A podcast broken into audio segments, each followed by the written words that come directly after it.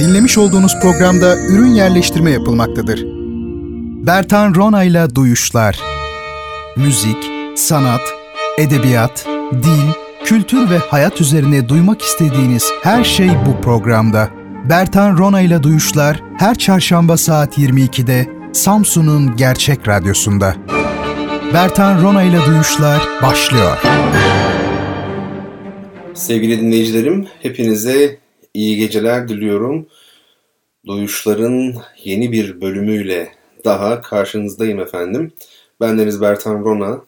Duyuşlar programını sizler için hazırlıyorum.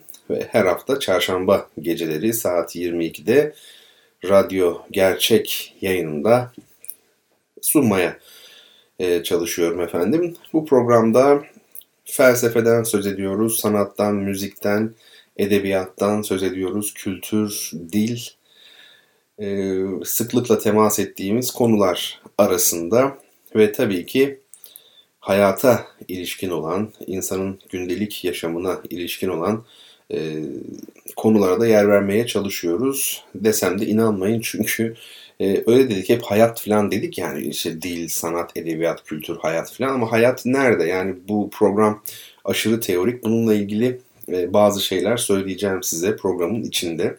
Yani çok fazla teorik biz gittik belki. Yani teorik derken hep felsefe, sanat filan e, gibi konular. E, bunu mütalaa ederiz. Efendim Bertan Rona benim Twitter'daki ve Instagram'daki hesabım. Instagram mı Instagram mı hiç bilmiyorum. Bertan Rona olarak beni Twitter'da bulun, Instagram'da da bulun ki programı düzgün bir şekilde takip edebilin. Ee, her hafta çeşitli görseller paylaşıyorum Instagram'dan. Ee, bu programla ilgili, duyuşlarla ilgili diyelim ki bir resim analizi veya başka bir resim. Onun üzerine konuşuyoruz ve sizler de bir yandan radyo programını dinlerken, radyo yayını dinlerken bir yandan da Instagram'dan üzerinde konuşmakta olduğumuz görsele bakabiliyorsunuz. Bu güzel bir e, imkan gerçekten. Onun dışında hediye kitaplarımız var. Ee, devamlı olarak programı dinleyenler bilirler elbette. Bu kitapları kazanmak için de benim soracağım e, sorulara Twitter üzerinden et Bertan Rona yazarak başlıyorsunuz tweet'e. Yani doğrudan mention yazıyorsunuz. Bunu e, yaptıktan sonra doğru cevabı veren ilk kişi olursanız kitabınızı da kazanıyorsunuz efendim. Tabii yani kitap işin esprisi. Sorularım zaten genellikle kolay sorular. Hep kendi ilgi alanlarımdan sorduğum sorular. Amaç birbirimize kitap hediye etmek. Mesele bundan ibaret aslında. E, elektronik posta adreslerimiz bertanrona.gmail.com ve bir de duyuşlar.gmail.com Şimdi e, sevgili yönetmenimle geçen hafta bir görüşme yaptık. Bana dedi ki biz bugüne kadar SoundCloud'da vardık tabii ki. Yani Duyuşların bütün bölümleri birinci bölümden itibaren 15 e, Şubat 2017'ydi galiba. E, o tarihten itibaren bütün bölümleri e, SoundCloud'da var yüklü olarak. Yani bu programı yeni keşfedenlerin genellikle bir süre sonra söyledikleri şey ben ilk bölümden itibaren dinlemeye başladım oluyor. İşte bunu SoundCloud üzerinden yapabilirsiniz. Onlar var ama artık Spotify'da da varmışız. Yani bilmiyorum ben hayatımda Spotify kullanmadım. Nasıl bir şey olduğunu da bilmiyorum. E, ama daha etkili, çok daha etkili olduğunu, yaygın olduğunu, e, duyuşların duyulmasıyla ilgili olarak daha işlevsel olacağını söylediler bana. Yani sevgili yönetmenimle konuşurken yani hocam daha iyi olur dedi ve dönüşleri de çok iyi. Tabii onlar bir şekilde kaç kişinin dinlediğini falan biliyorlar. Öyle imkanları var belli uygulamalarla belki bilmiyorum yani. Ve gayet güzel dedi.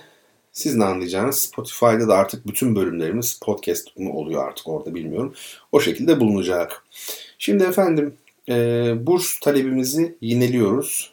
E, çok sevgili öğrencilerimize, yardıma, desteğe ihtiyacı olan öğrenci arkadaşlarımıza, kardeşlerimize e, karınca kararınca yardımcı olmaya çalışıyoruz şu an e, yardımcı olduğumuz öğrencilerimiz var.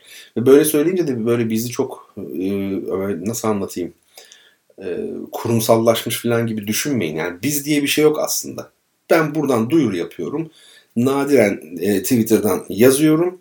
E, sağ olsunlar takipçilerim, dinleyicilerim e, son derece iyi niyetle herkes ucundan tutuyor. İşte bir aylık çıkarmış oluyoruz mesela parayı. Ondan sonraki ay için başımızın çaresine bakıyoruz. Yani böyle öyle çok ahım şahım bir şey düşünmeyin yani. Hakikaten ihtiyacımız var yardıma. Çünkü e, yani bir ay vermek tamam belki mümkün olabilir, iki ay vermek mümkün olabilir ama yani ben istiyorum ki bir öğrencimiz mesela işte ikinci sınıftaysa o mezuniyetine kadar destek olabilelim veya işte yüksek lisans yapacaksa onu o imkanı sağlayabilirim. Ya bana zaman zaman e, yüz yüze yani görüşmek şeklinde öyle arkadaşlar geliyor ki yani duymuşlar beni bir şekilde. Hani yardım istemeye belki geliyorlar. Kimi ne diyor biliyor musunuz? Yani bir hoca olarak bununla karşılaşmak nasıl bir duygu? Kendinizi benim yerime koyun. E, hocam ben şu bölümde okuyorum. Efendim işte e, fakat e, şimdi bir yıl sonra bitireceğim. Yani mesela üçüncü sınıf şu an. Dörde geçecek seneye falan. Yüksek lisans yapmak istiyorum. Nerede yapmak istiyorsunuz? İşte şurada yapmak istiyorum. Belli bir üniversite söylüyor bana mesela. E, e, neresi olsun mesela? İşte Hacettepe Üniversitesi veya genelde daha mütevazı yani. Anadolu'daki üniversiteler diyelim. E, şu bölümde işte oradaki işte programı inceledim. Oradaki hocalara baktım. Yani tam istediğim yer. Tamam. Çok güzel ama imkanlarım el vermiyor. Şimdi siz de tabii bunu duyunca yardımcı olmak istiyorsunuz. Ama e tabii çok sınırlı yani gücünüz. O zaman da üzülüyorsunuz yani bir öncelik sırası yapıyorsunuz. Bazen bir havuz gibi yani sıraya koyuyoruz. E, koyuyoruz derken bir ekibim falan da yok yani tek başıma yani onu demek istiyorum. E, bazen işte şeye göre daha fazla ihtiyacı olan arkadaşım hangisi ise onu şey yapmaya çalışıyorum. E, böyle yani o bakımdan uzatmayayım. Yani birisi gelip benimle bu şekilde konuştuğu zaman ki şeyden de var. Twitter'dan yazanlar da var çok fazla. Öyle olduğu zaman e, tabii şey oluyorum onu hayal ediyorum mesela. İşte nerede okumak istiyorsun? İşte Diyarbakır'da Dicle Üniversitesi. Nerede okumak istiyorsun? İşte efendim Muğla Üniversitesi'nde mesela. Sıtkı Koçman mıydı Muğla'daki? Evet. Hani orada okumak istiyorum. Onu hayal ediyorum orada okurken. Ve biz bunu yapabiliriz. Neden? Çünkü sayımız fazla. Yani bunu yapabilmek için yeterli. O anlamda söylüyorum. Düzenli verin diyen yok. Düzenli veremeyebilirsiniz. Efendim bir defaya mahsus verebilirsiniz. Öyle çok fazla destekçimiz var. Yardımsever dostumuz var. Efendime söyleyeyim e, düzenli de verebilirsiniz. Ben 6 ay vereceğim veya ben 3 ay vereceğim. Ben 1 yıl vereceğim. Ben 4 yıl öderim mesela. İşte şu kadar. Şu, bu tamamen insanın kendisine bağlı. E, destek olalım arkadaşlarımıza çok iyi olur. E, olamıyorsak da ne yapalım? Duyuralım mümkün mertebe. Yani bunu sosyal medyadan duyurabilirsiniz. Yani benim adımı ya da Duyuşlar programının adını verme anlamında söylemiyorum. Yani bu bir niyet meselesi. İyi niyetle yürüyor bu işler. İnanın dekontları gönderirken insanlar istemiyor bile. Hocam gerek yok ne olur göndermeyin falan diyorlar. Ama benim içim rahat etmiyor tabii. Hani bulunsun şeyde de internete düşen veri bir daha hani oradan e, kalkmıyor biliyorsunuz. Ulaşılabiliyor. O yüzden hani e, orada olsun istiyorum. Şeffaf zaten her şey yürüyor.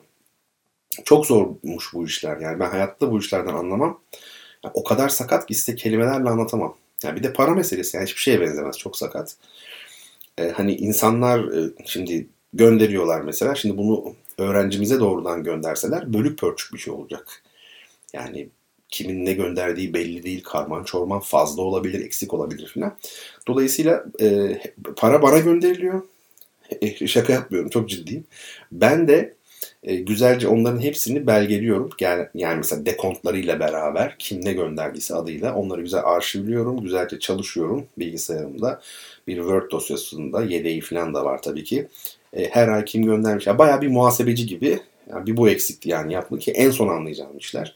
E, onları o şekilde yaptıktan sonra şeyi e, zamanı geldiğinde parayı ben kendi hesabımdan yatırmış oluyorum. O dekontu arkadaşlarla paylaşıyorum.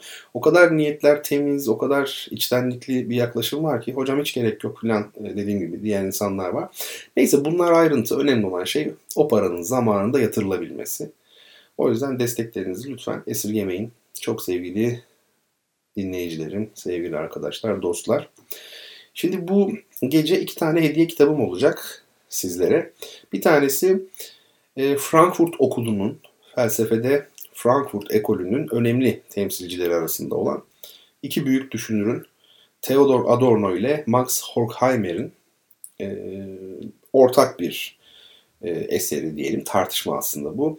Teori ve pratik üzerine. İsmi bu. E, efendim Instagram'a da yükledim. E, oradan bakabilirsiniz. E, Instagram'da görebilirsiniz kapağını kitabın. E, ikinci olarak da Yeni Şiirler. Nazım Hikmet Ran'ın e, şiir kitabı. En sevdiğim şiir kitaplarından biridir Nazım Hikmet'in. Yeni Şiirler. Onu da Instagram'a yükledim. Bakabilirsiniz Yapı Kredi yayınlarında.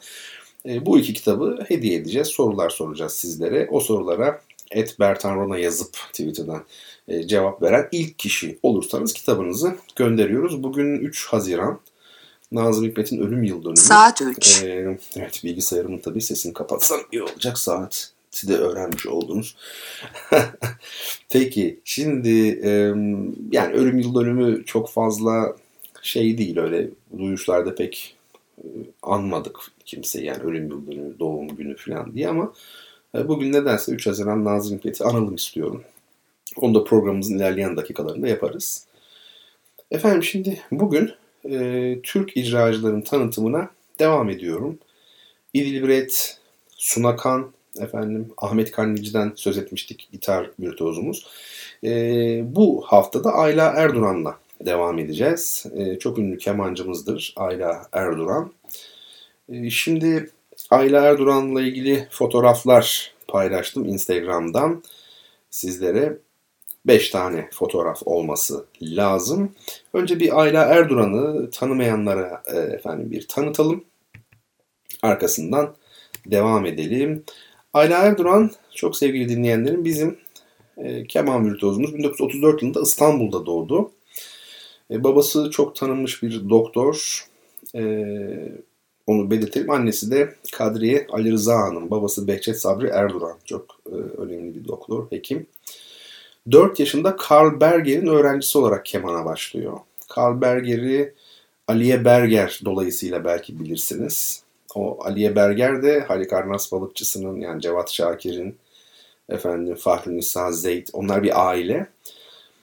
Ee, neyse yani onları siz bakın artık ben şimdi böyle yaparsam çok uzatırız programı. Ee, Karl Berger'den ders almaya başlıyor 4 yaşında. İlk resitalini 10 yaşında Ferdiş Tatzer eşliğinde saray sinemasında vermiş. Ferdiş Tatzer'i de Türkiye'de konservatuvar çok sesli müzik geleneğinden yetişmiş insanlar, e, belli bir donanımda olanlar tabii bilirler. Aslında Ferdinand Statzer, Türkiye yani vatandaşı olunca Ferdi Statzer oluyor. Çok önemli bir isimdir o da. 1946-1951 yılları arasında Paris Konservatuvarı'nda eğitim görüyor Ayla Erduran ve e, bölümünden birincilikle mezun oluyor. 1955 51-55 e, yılları arasında Amerika Birleşik Devletleri'nde e, Ivan Galamyan ile bir de Zino Francescatti ile özel olarak çalışıyor. E, Amerika'daki ilk konserinde Newark'ta e, Tom, ne? Thomas Sherman yönetimindeki bir orkestra ile vermiş oluyor. Daha sonra da Avrupa'da kariyerine başlıyor. Polonya'da efendime söyleyeyim. Ve Glaznov'un keman konçertosu. Glaznov'u merak eden varsa Shostakovich'in Anılar kitabını okuyabilir efendim. 1957-1958 yılları arasında Moskova konservatuvarında David Oistrak'la çalışmış. Enteresan.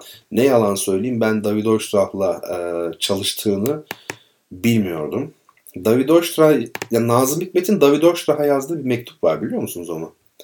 Enteresan. E, 1957 yılında Temmuz ayında 1 Temmuz'da e, tabii Nazım e, Pirayet Türkiye'de olduğu için Nazım Hikmet de hem Türkiye'yi özlüyor hem de Piraye'yi özlüyor. E, David Oistrakh da İstanbul'da bir konser veriyor. Piraye de konsere gidiyor. Çok mutlu oluyor. Yani çok güzel zaman geçiriyor, etkileniyor ve bunu Nazım Hikmet'e bir mektupla yazıyor. Bu mektubu alıp okuduktan sonra Nazım Hikmet şöyle bir şiir yazmış. David Oiştirah'a mektubumdur diye. İstanbul'a gitmişsiniz. Konserinizdeymiş. Çok bahtsız bir kadını bahtiyar etmişsiniz. Yağmura uzanan iki yeşil yaprak gibi gözleri bakmış parmaklarınıza. Mektubunda unuttum her şeyi diyor. Kahırlarından başka unutacak şey yok. Ağladım diyor, ferahladım. Dünya diyor güzel, içim rahat.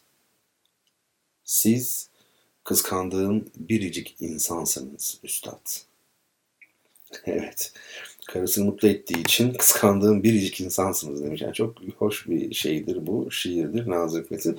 İşte David Oistrak'la e, çalışmış. 1957'de e, Wieniawski yarışmasında 120 kemancı arasında ilk 6'ya girerek ödül kazanmış ve artık bu ödülden sonra da hızla yükselmeye başlamış. 1958'de çok değerli bestecimiz, bizim hocalarımızın hocası e, Ulvi Cemal Erkin'in ünlü keman konçertosunun ilk seslendirilişini e, Brüksel'de bestecisi yönetiminde Belçika Kraliçesi Elizabeth'in de izlediği bir konserde gerçekleştiriyor. Düşünebiliyor musunuz? Yani e, ben bunu bilmiyordum mesela. Şeyi bilmiyordum yani bestecisi yönetiminde. Gerçi bu bilgiler ne kadar doğru tabii akademik kaynaklar almış değilim. Bakmak lazım. Avrupa'nın pek çok ülkelerinde, Güney Amerika'da, Amerika Birleşik Devletleri, Kanada, Orta Doğu, Hindistan, Afrika, Rusya, Azerbaycan ve Türkiye'nin pek çok yerinde konserler yapıyor. Cumhurbaşkanlığı Senfoni Orkestrası ile birlikte 63 yılında Orta Doğu turnesine çıkıyor Ayla Erdoğan. 1964'te Mithat Fenmen eşliğinde, Mithat Fenmen'in kim olduğunu da tanıyacağız. O da bizim hocalarımızın hocası. Çok muhterem, büyük bir zattır. Türkiye'de çok sesli müziğe çok emek vermiş biridir. E, İdil Biret'in hocası. İdil Biret onun herhalde ilk öğrencilerinden bilmiyorum ama e, son öğrencilerinden biri de Fazıl Say'dır. Mithat Fenmen çok çok önemli bir isim bizler için. Ben de onun e, sanat hayatı ile ilgili e, bir belgesel çekilmişti Afyon Kocatepe Üniversitesi'nde. Bir doktora tezi kapsamında onun senaryosunu yazmıştım. E, bayağı da öğrenmiştim Mithat Fenmen'in hayatını. E, efendim 64'te Mithat Fenmen'le birlikte Harriet Cohen Olga Verney ödülünü kazanıyor. Mithat Fenmen ile çalınca Londra'da bu ödülü kazanmış. 65'te yine Londra'da Albert Hall'de e, şef Rajdestvensky yönetimde. Ben de Ruslar gibi Rajdestvensky, Rajdestvensky diye yazıyor burada. E, çok çok önemli bir şeftir o da. Shostakovich'in bazı eserlerinin yani en iyi yorumcularından biridir. Brahms'ın keman konçertosunu bu büyük şef yani Rajdestvensky yönetiminde seslendiriyor. BBC naklen yayınlıyor bunu. Ve 1968'de de Verda Erman ile birlikte Afrika turnesine çıkıyor. Bunları tabii Verda Erman'ı da ele alacağız mutlaka. 1970'te Beethoven ödülü kazanıyor. 71'de Türkiye Cumhuriyeti Devlet Sanatçısı. Efendim 85'te Londra Filarmoni ile Brahms'ın konçertosunu plağa alıyor. Can Sibelius'un 100. yılında Anserme yönetiminde. Yani Anserme çok büyük isimler bunlar. Hani e, çok sesli müzikle, klasik batı müziğiyle çok ilgili olanlar varsa şu an beni daha iyi anlıyordur. Yani Anserme ile bir e, efendime söyleyeyim konser falan yapabilmek bir kemancı için çok önemli. Dünya çapında insanlar. Anselme aynı zamanda Stravinsky'nin de en büyük yorumcularından biridir. Uzatmayayım yani e, Ayla Erduran'ın tabii ki başarıları sayısız yani Ayla Erduran bu. Ya bizim de haddimizi değil onu övmek. İnsanlar yani şimdi büyük insanlar övülmez de. Hani yergi şöyle dursun övülmez de yani. Şimdi İdilbret burada benim yanımda olsa İdil Hanım ya benim ne haddime düşmüş onu övmek yani. Saygısızlık öyle. Yani Beethoven'u övdüğümü düşünsenize. Beethoven'la şu an yan yana otursak yani. işte Beethoven kendi çok büyük besteci falan. Yani anlatabildim değil mi? Şey, Beethoven daha iyi bir örnek oldu. Yani övmek de ayıptır bazen yani böyle bir şey olmaz. Bunu yapamayız ama çok fazla hayatında tabii ki şey var, ayrıntı var. Ayrıntı değil bunlar. Hepsi bir aslında büyük başarı tabii. Yani ayrıntı diyemeyiz. O hoş bir ifade olur. 1710 yapımı Stradivarius bir kemanla çalıyor. Uzun süre Ayla Erdoğan. 1710 yapımı Stradivarius kemanı var. 1994 yılında bir Guarneri, 1720 yapımı Guarneri kullanmaya başlamış. Efendim ya Yehudi Menuhin, Henrik Schering, Navarra, Igor Oystra, Valery Oystra, e, Viktor Pikaizen gibi çok önemli e, kemancılarla çalıyor. Igor Oystra, David Oystra'nın o oğlu. Valery de onun oğlu. Yani David, az önce şiir okudum yani David Oystra 20. yüzyılın en büyük kemancılarından biridir. Yani ilk üç içinde kesinlikle. Yani çoğu kişi Yaşa Heifetz derler. O biraz daha belki efsanevi ama ben David Oistrak'ın 20. yüzyılın hatta bana kalırsa bütün zamanların en büyük kemancısı olduğunu düşünüyorum. Tonundan dolayı öyle düşünüyorum. Yorumundan dolayı öyle düşünüyorum. E, Igor Oistrak David'in oğlu. E, uluslararası e, müzik camiası yani otoriteler Igor Oistrach'ı David Oistrach düzeyinde kabul ederler. Yani Igor Oistrach da David Oistrach kadar büyük bir kemancı. Ben tabii Igor Oistrach'ı dinleyemedim canlı olarak şey David Oistrach'ı çünkü yaşım müsait değil. 1974'te vefat etmiş David Oistrach ama Igor Oistrach'ı canlı olarak dinledim. E, hayatımda dinlediğim en büyük sanatçılardan biriydi tabii ki yani müzisyenlerden. Ve Valeri Oistrach'ı da dinledim. Zaten baba oğul beraber gelmişlerdi. İzmir'de Senfoni Orkestrası'nda demiştim onu hatırlıyorum. Efendim Ayşegül Sarıca ile e, önemli işlere imza atıyor. E, Edvar Elgar'ın keman konçertosunun Türkiye'deki ilk seslendirişini gerçekleştiriyor. E, 2002 yılında Evin İlyasoğlu tarafından Ayla'yı Dinler Misiniz adıyla efendim biyografik bir roman olarak kaleme alınmış hayat onu söyleyelim. 2006 yılında Sevda Cenap Ant Müzik Vakfı Onur Madalyası veriliyor kendisine. Efendim bir başka kitap daha Evrim Evrenimizi iç ışıklarıyla aydınlatanlar. Ayla Erduran Müzik ve Keman mesela ismini. Ee, yani çok fazla. Ben şimdi bunların hepsini artık daha fazla okumayayım. Şöyle bir şey. Ayla Erduran'la ilgili siz araştırma yapın. Bir müzisyen hakkında konuşmak ilginçtir. Çünkü o bir müzisyen ve o bu söylediklerimin e, yerine oturabilmesi için onun müziğini dinlemeniz lazım. Ben de biraz merak uyandırmak için aslında böyle anlatıyorum ve çalmıyorum da. Hani Ahla Erduran anlatıyorum ama müzik örneklerim ondan olmuyor. Mesela İdil Biret'i anlatırken de çok bir defa galiba belki vermişimdir. E, siz kendiniz araştırın. Artık kimsenin mazereti de olamaz. Çünkü YouTube'da her şey var. O bakımdan Ayla Erduran'ın çok güzel kayıtlarından mesela bu bahsettiğim gibi Londra'da filanca ödül almış işte Mithat Fenmen'le çalarken ya da Brahms'ın konçertosunu Anselme ile yapmış. Mesela bunları bulup dinlemek lazım hakikaten.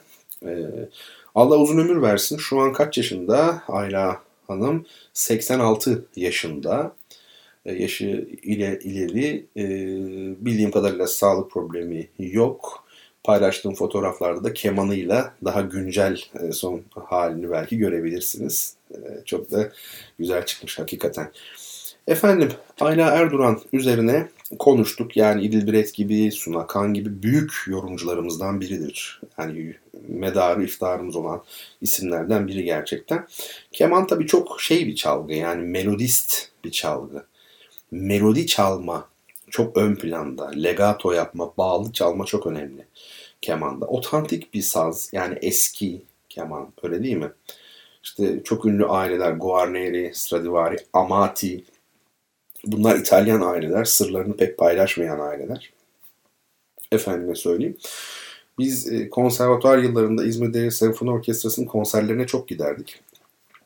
Şu, yani şu, geriye dönüp bakıyorum da beni bayağı bir terbiye etmiş. Yani terbiye demeyeyim de müzik kültürümün artmasında İzmir Devlet Senfoni Orkestrası'nın e, çok katkısı var. O zamanlar seviyordum gitmeyi ama hani şimdiki kadar kıymetini bilerek gidiyor muydum bilmiyorum.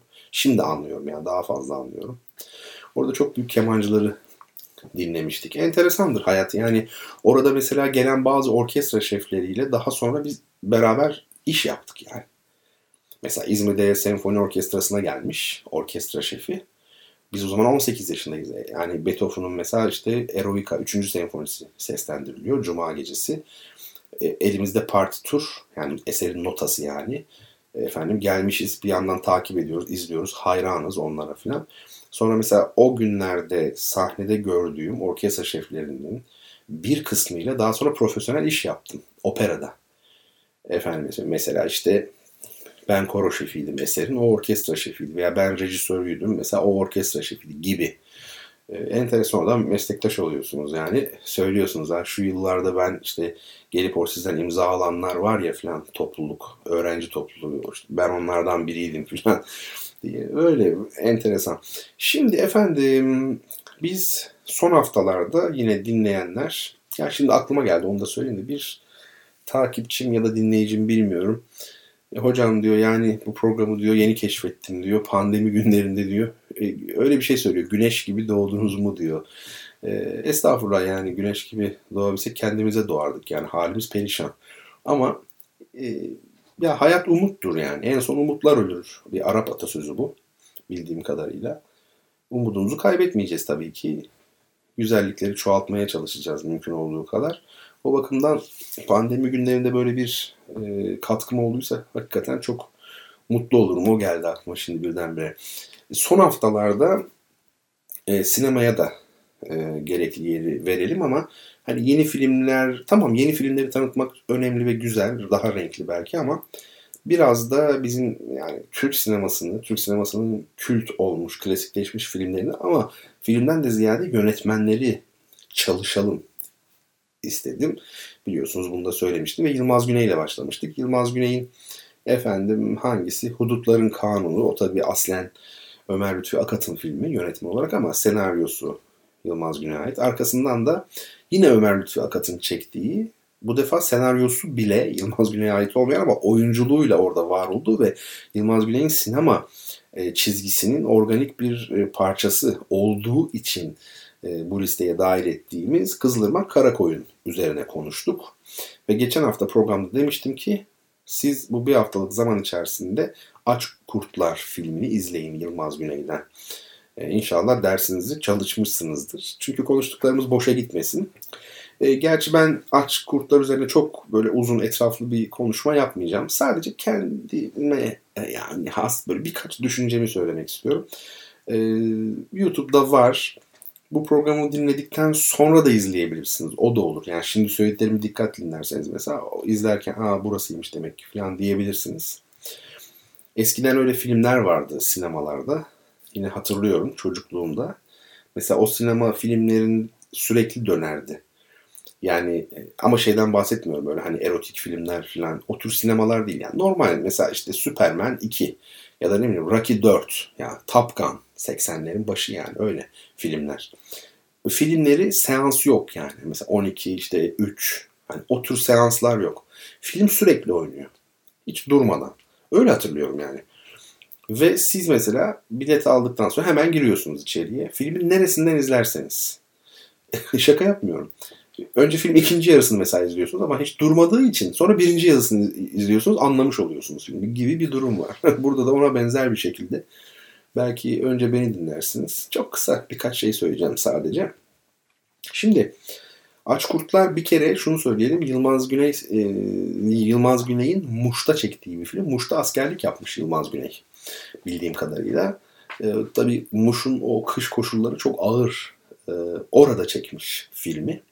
Ona zaten böyle karlı bir yer. Aslında çölde geçiyor film onu söyleyeyim. Çünkü e, kutuplarda çöldür değil mi yani coğrafi olarak.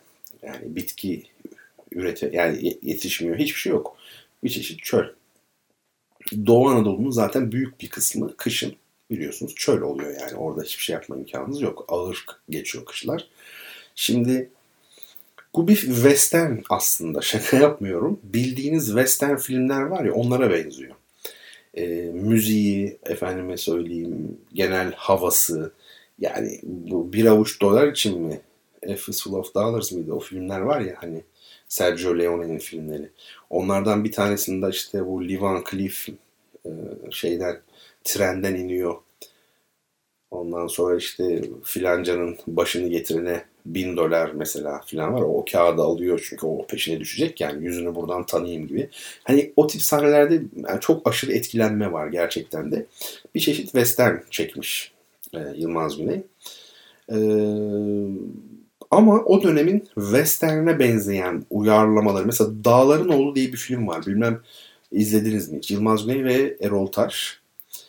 Ee, hani çok kötü bir film. Çok kötü. Neden? Bir Amerikan filminden uyarlanmış. Western'den uyarlanmış. Olmamış yani. Rezalet olmuş. Açıkçası. Ee, yani Yılmaz Güney'in avantür filmleri de çoktur yani. Para kazanmak için, kafasındaki ciddi filmleri çekebilmek için çok e, kötü filmleri de vardır. Yani neden? Satsın diye, izlensin, para getirsin diye çekti. Kendisi bunu söylüyor zaten. E, şimdi bu film ise yani etkilenme var, işte efendim western tarzında yine ama yani doğrudan Yılmaz Güney filmi olduğu belli. Yani çizginin dışında. Türk sinemasında e, görülmemiş o güne kadar bir dil var yani. Bunu net bir şekilde anlıyorsunuz. Onu söyleyelim. Şimdi ee, mesela ben şimdi biraz spoiler vereceğim burada ama e, kaçırılıyor. Eşkıyalar tarafından kaçırılıp tecavüze uğrayan bir kadın var. Bu kadını Serçe Mehmet e, kurtarıyor. Serçe Mehmet kim? İşte Yılmaz Güney yani başrol oyuncusu.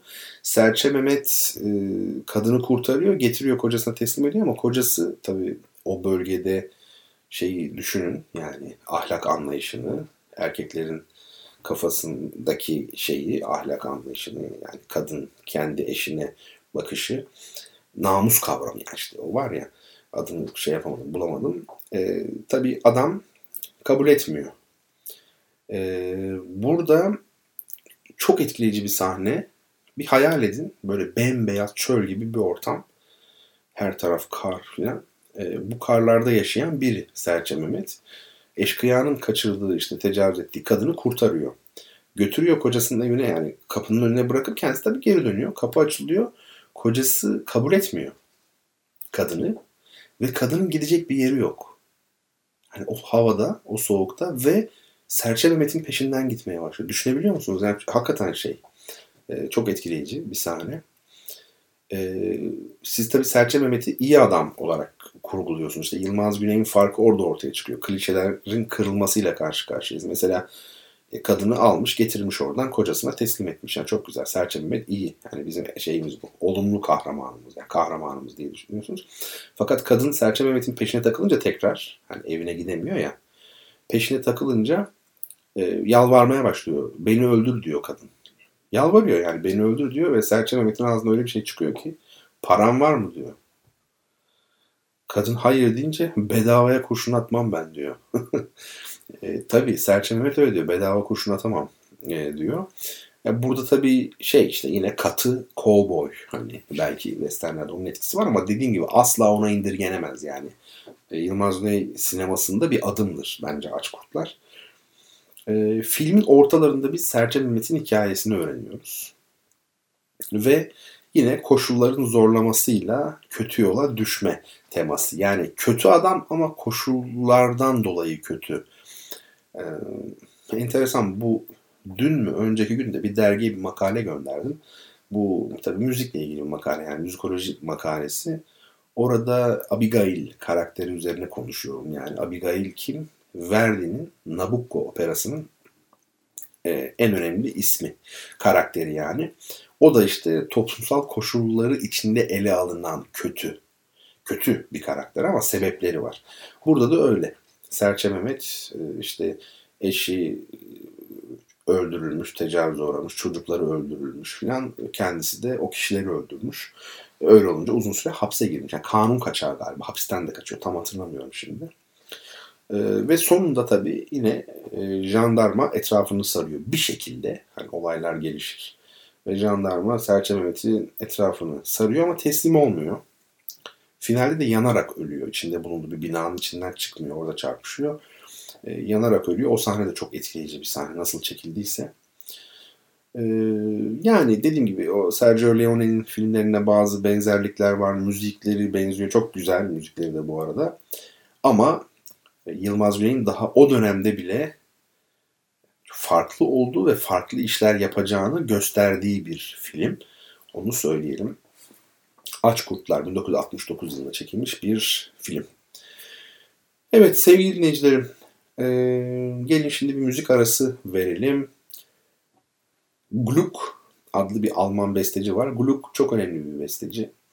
Eğer Gluck olmasaydı opera sanatı farklı bir yöne giderdi. Yani opera sanatını belki bir anlamda ipten alan, kurtaran kişidir Gluck. Çünkü İtalyan virtuozların, bestecilerin, şarkıcıların elinde çok fazla deforme olmuştu opera. Yani dramatik yapıdan uzaklaşmıştı. Salt müzik haline gelmişti. Müzik de değil. Gösteriş yani. Gösteri. Bravur efektler sürekli. Ses efektleri yani. Yani bir opera temsiline gidiyorsunuz. En kaba anlamıyla nedir opera? Müzikli tiyatrodur. Yani aslen bir oyundur. Müziklidir. E şimdi tenor bir arya söylüyor. Çok beğeniliyor. Alkış alkış alkış. Bir daha söyle. E tamam bir daha söyleyeyim. Alkış alkış. Yedi defa arka arkaya. Şey oyun ne oldu? Yani siz oyunu durdurmuş oldunuz. Yani işte e, bunlara bir tepki var tabii. Bu tepkiyi gösterenlerin başında da Gluck geliyor. Mozart da çok etkilemiş. Çok önemli bir besteci. Wagner de bu ekolle aslında temelde çarpışmış bir kişidir. Neyse. E, Gluck'un en çok sevdiğim e, eserlerinden biri öyle söyleyeyim. Orpheus ile Eurydice, yine antik Yunan mitolojisinden alınmış bir e, öykü. Yorumlayan Maria Callas. Müzik böyle o kadar böyle yumuşak, su gibi akıp gidiyor ki yani böyle ışıkları kapatıp bu müziği dinleyen bir kişi kesinlikle bulunduğu yerden ayrılır yani. Başka bir yere gider. Onu size söyleyeyim. Güzelce dinleyelim. Hemen arkasından da programımızın ikinci kısmıyla devam ederiz efendim.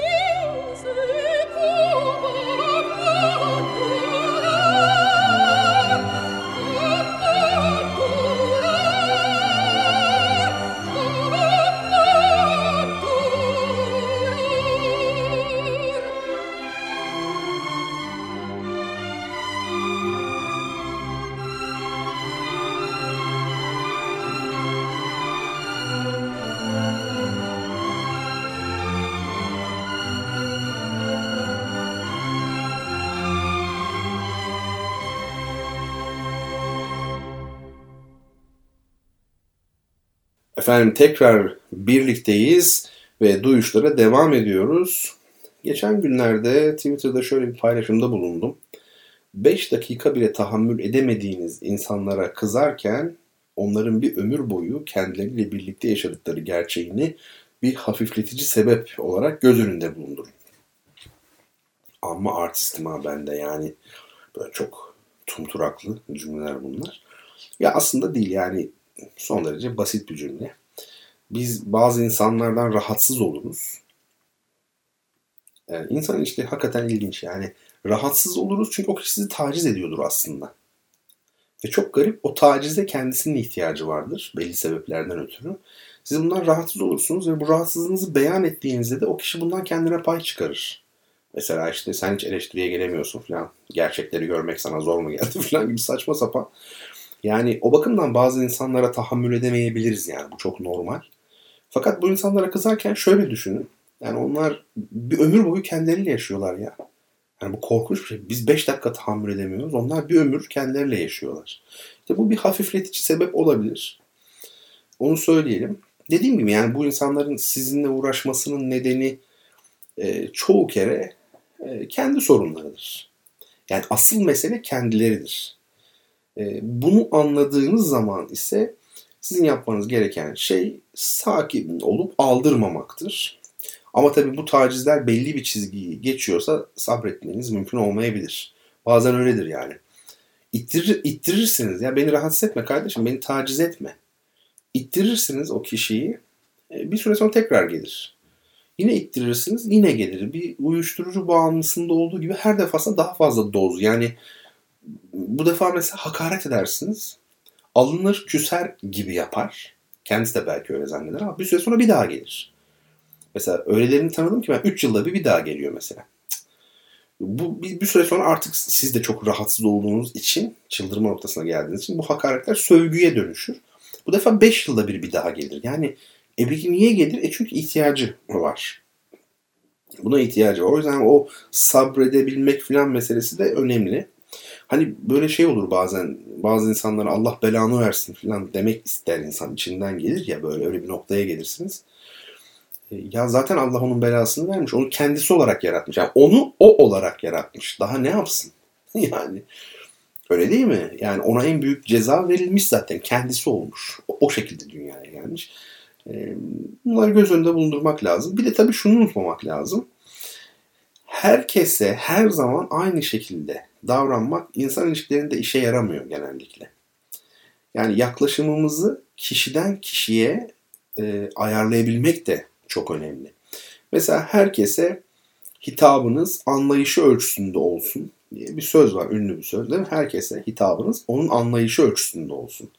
Şimdi siz bir efendim çok aydın bir insanla konuşurken kullandığınız dili çok cahil bir insanla konuşurken kullanamazsınız. Ona bir şey anlatırken onun e, evreni içerisinden örneklerini anlatmanız gerekiyor. Ya da şöyle diyelim, bazı insanlar var, şimdi şaşıracaksınız belki bu söyledim ama kesinlikle merhameti, sevgiyi hak etmiyorlar. Çok acı, çok acı. Onlar da kendi çocukluklarında bir şeylerin kurbanı ama kurtarmak mümkün değil bu insanlar. Yani çözüm olsa tamam merhamet gösterin, sevgi gösterin ama çözüm değil. Olmuyor. Yani olamıyor maalesef. Hak etmiyorlar. Merhameti de sevgiyi de hak etmiyorlar. Yani şefkati diyelim merhamet bilmiyorum ama ya işte hocam sevgiyi hak etmeyen kimse olabilir mi? Veya işte o kişi ne durumda olursa olsun sevgiyle yaklaşmalıyız falan filan. Hayır. E, kesinlikle yanlış. Sevgiyi hak etmeyen sayısız insan var bu dünyada ve böyle insanlara ne olursa olsun işte sevgiyle yaklaşılmalı. Yani bu görüş bence doğru değil. Yani hani bu da böyle tam linç edilebileceğiniz bir iddia. Yani ben öyle bir şey söylüyorum ki yani buna pek çok kişi karşı çıkabilir.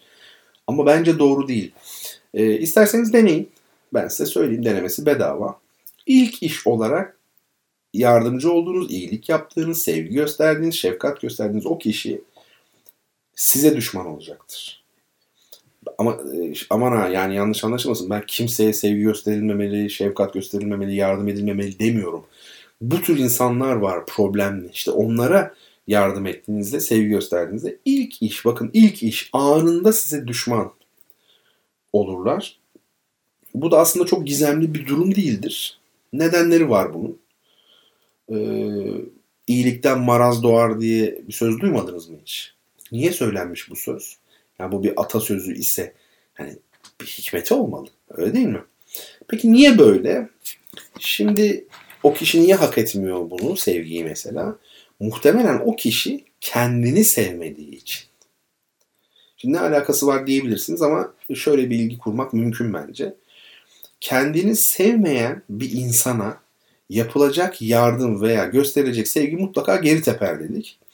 En azından şöyle olur. Bakın o kişi şöyle düşünür. Ben sevilmeye layık biri değilim. Öyleyse karşımdaki insan beni neden sevdi? Yani işte bayram değil, seyran değil, eniştem beni niye öptü meselesi var ya. İşte e, bundan sonrasına baktığımızda kendisinde e, sevilecek bir şey olmadığını düşündüğü için sizden şüphe etmeye başlayacaktır. Çünkü kendisinde sevilecek bir şey olmadığını düşünüyor. Sizde art niyet arıyor. Ya bende sevecek bir şey yok. O zaman niye seviyor? Ha, mutlaka bir çıkarı var diyor mesela. İşte e hocam bunları nereden biliyorsun diyenler oluyor. Ee, yaşadım da oradan biliyorum güzel kardeşim. Benim böyle arkadaşlarım oldu, böyle öğrencilerim oldu, böyle hocalarım oldu, böyle yakınlarım oldu. Yani gözlem ve deneyimlerimin sonucudur sizinle paylaştığım bu bilgiler. Ha genelleyemem çok fazla. Veya tam tersi e, genelleme olarak söylerim. İstisnaları vardır. Yani ikisi de aynı kapıya çıkar. Şimdi bir de şu var. Bazıları diyor ki işte sen psikolog değilsin. Hani bu konularda niye yorum yapıyorsun gibi. Ee, bakın bir şey söyleyeyim size. Bunun kadar yanlış bir düşünce olamaz. Çok çok tehlikeli sadece yanlış değil. Her yanlış o kadar tehlikeli olmaz. Bu tehlikeli de. Çünkü insan deneyimini ve düşüncesini kendilerini oluşturan parçaları birbirinden ayırarak bütünlüğünden yoksun biçimde ele alıyor bu düşünce. E, bu biçimde düşünecek olursak mesela bazı büyük romancıların insan psikolojisini kendilerinden daha iyi bildiğini e, söyleyen psikologları ne yapacağız? Öyle psikologlar var ki diyor ki Dostoyevski benden daha iyi biliyor insan psikolojisini. Yani eserlerini okuduğum zaman bunu anlıyorum diyor. Yani işte efendim neymiş sen psikolog değilsin. Tabii ki psikoloji bir bilim tabii ki psikologlar bizden iyi bilirler pek çok şeyi bu konuda. Ama bu bizim kendi deneyimlerimizden sonuç e, çıkarmamamız anlamına gelmez. Niye çıkarmayalım yani? Şimdi e, bir keresinde sosyal medyada işte bana hocam sen felsefeci değilsin kendi alanında yaz falan diye bir eleştiri gelmişti. Şimdi bu düşünceye göre Aristoteles, Spinoza ve Descartes gibi tarihin en büyük düşünürlerin önemli bir kısmını felsefeci saymamak, onlara felsefe yapmayı yasaklamak gerekirdi. Marx da tabii felsefeci olmuyor bu anlayışa göre. Sadece felsefe okuyanlar oluyor. yani ilginç değil mi? Enteresan yani. Descartes, Spinoza, Aristoteles hiçbiri felsefeci değil. Ee, ben diyorum ki e, alın felsefeniz sizin olsun. Tabii sizin anladığınız anlamda felsefe sizin olsun. Sizin yaptığınız, kendi yaptığınız felsefe sizin olsun. Yani nesne, olay ve ilişkileri açıklamaktan, doğayı, bilinci ve toplumu anlamaktan, insanı, dünyayı ve hayatı değiştirmekten uzak o felsefe sizin olsun. E işte kendi içinde böyle gösterişli, terminolojisi renkli, bütünlüklü ve kapalı sistemler oluşturan e, Lenin'in deyişiyle profesörel e, felsefeniz sizin olsun kardeşim. Yani öyle değil mi? Comte'dan Heidegger'e, Mach'tan Levinas'a ya da e, ne bileyim işte diğerlerine kadar. Yani ne verdiniz dünyaya diye sorarlar adama. Bu kadar büyük filozofsunuz. Ne verdiniz dünyaya? Yani insana dair ne önerdiniz? E, herkesi bu felsefeye e, çağırıyorsunuz. Gelmek istemeyenleri de ahmak olmakla niteliyorsunuz ama e, bence asıl ahmak sizsiniz kardeşim yani biraz sert konuşuyorum ama yani burada isimler kişiler değil mesele yani öyle birilerini de söylemedik zaten vermedik kimseyi ama burada olgular önemli yani evet asıl ahmaklık başkasını ahmak zannetmektir. E, yani o çok büyük düşünürler var ya onların e, büyüklüğünü ben takdir edebilirim. E, mesela şöyle diyelim Comte hani o tür felsefenin büyük adlarından, renkli adlarından bir tanesi. Yani felsefe bir tek onlar yapıyor ya. Onlar felsefe, onlar üniversite okudular felsefe falan. E, Comte. Comte bir din tasarlayarak bir peygamber gibi öldü. Ben size söyleyeyim. Tabii Comte'un bir dini vardı. Din tasarladı adam ya. Yeni bir din getirmeye çalıştı. İbadethanesi var. Kutsal günü bile var. E, Heidegger Hitler'e ve Nazizm'e övgüler dizdi. Şimdi diyorlar ki aman hep aynı e, terane diyorlar. E, aynı terane de kusura bakmayın ne yapalım yani zaman geri çeviremeyiz ki yani. Düzmedi mi e, övgüler? Düzdü yani. E, övgüler dizdi. Mah nesneler yoktur ama bizim onlara dair algılarımız vardır diyordu. Şaka yapmıyorum. Şaka gibi değil mi? İşte bu, bu tür felsefenin en büyük isimlerinin söylediği şeyler bunlar. Yani e, tabii öznel idealist olursanız nesneler yoktur. Bizim algılarımız vardır. Peki ne, ne o algılar nereden geliyor? Allah kerim belli değil. Efendime söyleyeyim. Levinas'ta tabii bir kadın düşmanlığı var. Bir de Şatilla katliamı. İsrail'in yaptığı Şatilla katliamını övmeyi de ısrarla reddeden biridir Levinas. Şimdi büyük felsefecilere bakar mısınız? Yani sistemlerinde insana dair ayakları yere basan bu dünyaya dair, bu dünyanın sorunlarına dair ne var? Hiçbir şey yok. Anlı şanlı işte Heidegger efendime söyleyeyim bir şey, bir düşünürümüz bizim isim vermeyeceğim. Bir düşünürümüz, felsefecimiz Heidegger'i övüyor. Efendim ee, çok övüyor. Bir başkası da e, medyada, sosyal medyada Heidegger'in evinin fotoğrafını paylaşıyor. Yani bir köy düşünün. Heidegger'in evi köy evlerinden bile tamamen uzakta tepede bir yerde tek başına. Tek başına bir ev var. Yani hem köyde bir de köydeki evlerden de çok uzak. Tepede tek başına. O paylaşan düşünürümüz, felsefecimiz e, altına Heidegger'in işte evi falan gibi bir şey yazmış. İşte hani bir çocuk da onun altına çok güzel bir şey demiş. Hepinizden nefret ediyorum evi. E tabi yani bu kadar ayrı yaşamak yani ben bu kadar ayrıyım ya insandan kopuk falan bu aslında hepinizden nefret ediyorum. Bence asıl kendimden nefret ediyorum evi. Bir insan kendinden nefret etmese başkalarından nefret eder mi bu şekilde? Neyse yine bir başka çok büyük düşünürümüz. Çok yani çok göz önünde olan insanlar bunlar. Yani hepinizin aslında bildiği isim olarak da önemli değil. İsimler değil dediğim gibi derdim. O da e, Heidegger düşüncenin hakkını veren bir filozof olarak tanımlamıştı. Ya tabii hakkını vermek eğer e, bir çok ilginç ve etkili bir sistem oluşturmaksa doğru. Ama yani e, Hitler'i destekleyen biri düşüncenin hakkını nasıl vermiş olabilir ya? Yani hiç düşünmüyor musunuz? Neyse. E, bakın Heidegger çok önemli bir düşünürdür. O da işin başka bir boyutu yani. Elbette konuşabiliriz. Bunu da konuşabiliriz. Ama ben şu an başka bir konuyla ilgili olduğum için o tarafa bakmıyorum. Yoksa Heidegger'le ilgili çok olumlu şeyler de söylersiniz ama e, son çözümlemede benim az önce yaptığım tespitler bana kalırsa e, ağırlık kazanır. Ee, sadece işte felsefe bölümü mezunları bu konularda düşünce beyan etsin veya insan ilişkileri üzerine yalnızca psikologlar konuşsun. Savı idi meselemiz. İşte konuşup bu noktaya geldik. Şimdi bu konu aslında biliyor musunuz zannedilenden daha da önemli. Çünkü ırkçılık hastalıktır meselesine de bağlanıyor aslında. Ki biliyorsunuz Amerika Birleşik Devletleri'ndeki olaylar nedeniyle oldukça tabii güncel bir meseleden söz ediyoruz. Şimdi bugün mü gördüm, dün mü gördüm? Bir Amerikalı bilim adamı bir tweet atmış ve ben de e, şöyle demiş yani ben de e, Floyd'la hani öldürülen zenci vatandaş var siyah vatandaş. Ben de Floyd'la aynı suçtan tutuklanmıştım. O öldürüldü. Bense bu olayı şimdi arkadaş partilerinde yani kendi tutuklanışımı arkadaş partilerinde espri olarak anlatıyorum demiş. Ve sonra da bunu siyah beyaz ayrımı olarak yorumlamış. Yani ikimiz de aynı suçtan tutuklandık. Ben bu noktadayım. O öldürüldü gibi. İşte yani beyaz egemenliği olarak yorumlamış. Şimdi inanılmaz sayıda paylaşılmış, beğenilmiş. Herhalde 350 bin defa mı retweetlenmiş. Yani felaket. Belki çok daha artmıştır. Çok popüler olmuş bir tweet. Ama bence vardığı nokta itibarıyla e, bir sıkıntı var. E, elbette ki çok güzel, içten ve anlamlı bir paylaşım. Ona hiç itiraz yok. Fakat yaşanan sorunun kökenine inmiyor. Yani mesele siyah beyaz ayrımı değil. Ya da şöyle diyelim hani o bir sonuç diyelim yani mesele siyah beyaz ayrımı değil e, bir e, sonuç şeklinde kendini gösteriyor. Asıl mesele nedir? Hocam anlatıyorsun iyi hoş da asıl mesele yani nedir peki? diye soracak olursanız asıl mesele bana kalırsa kapitalist üretim tarzıdır. Ve kapitalist üretim ilişkileridir. Daha açık bir ifadeyle çok net konuşmak gerekirse üretimin toplumsal niteliği ile üretim araçlarının özel mülkiyeti arasındaki karşıtlıktır. Bu kadar net bir daha söyleyeyim.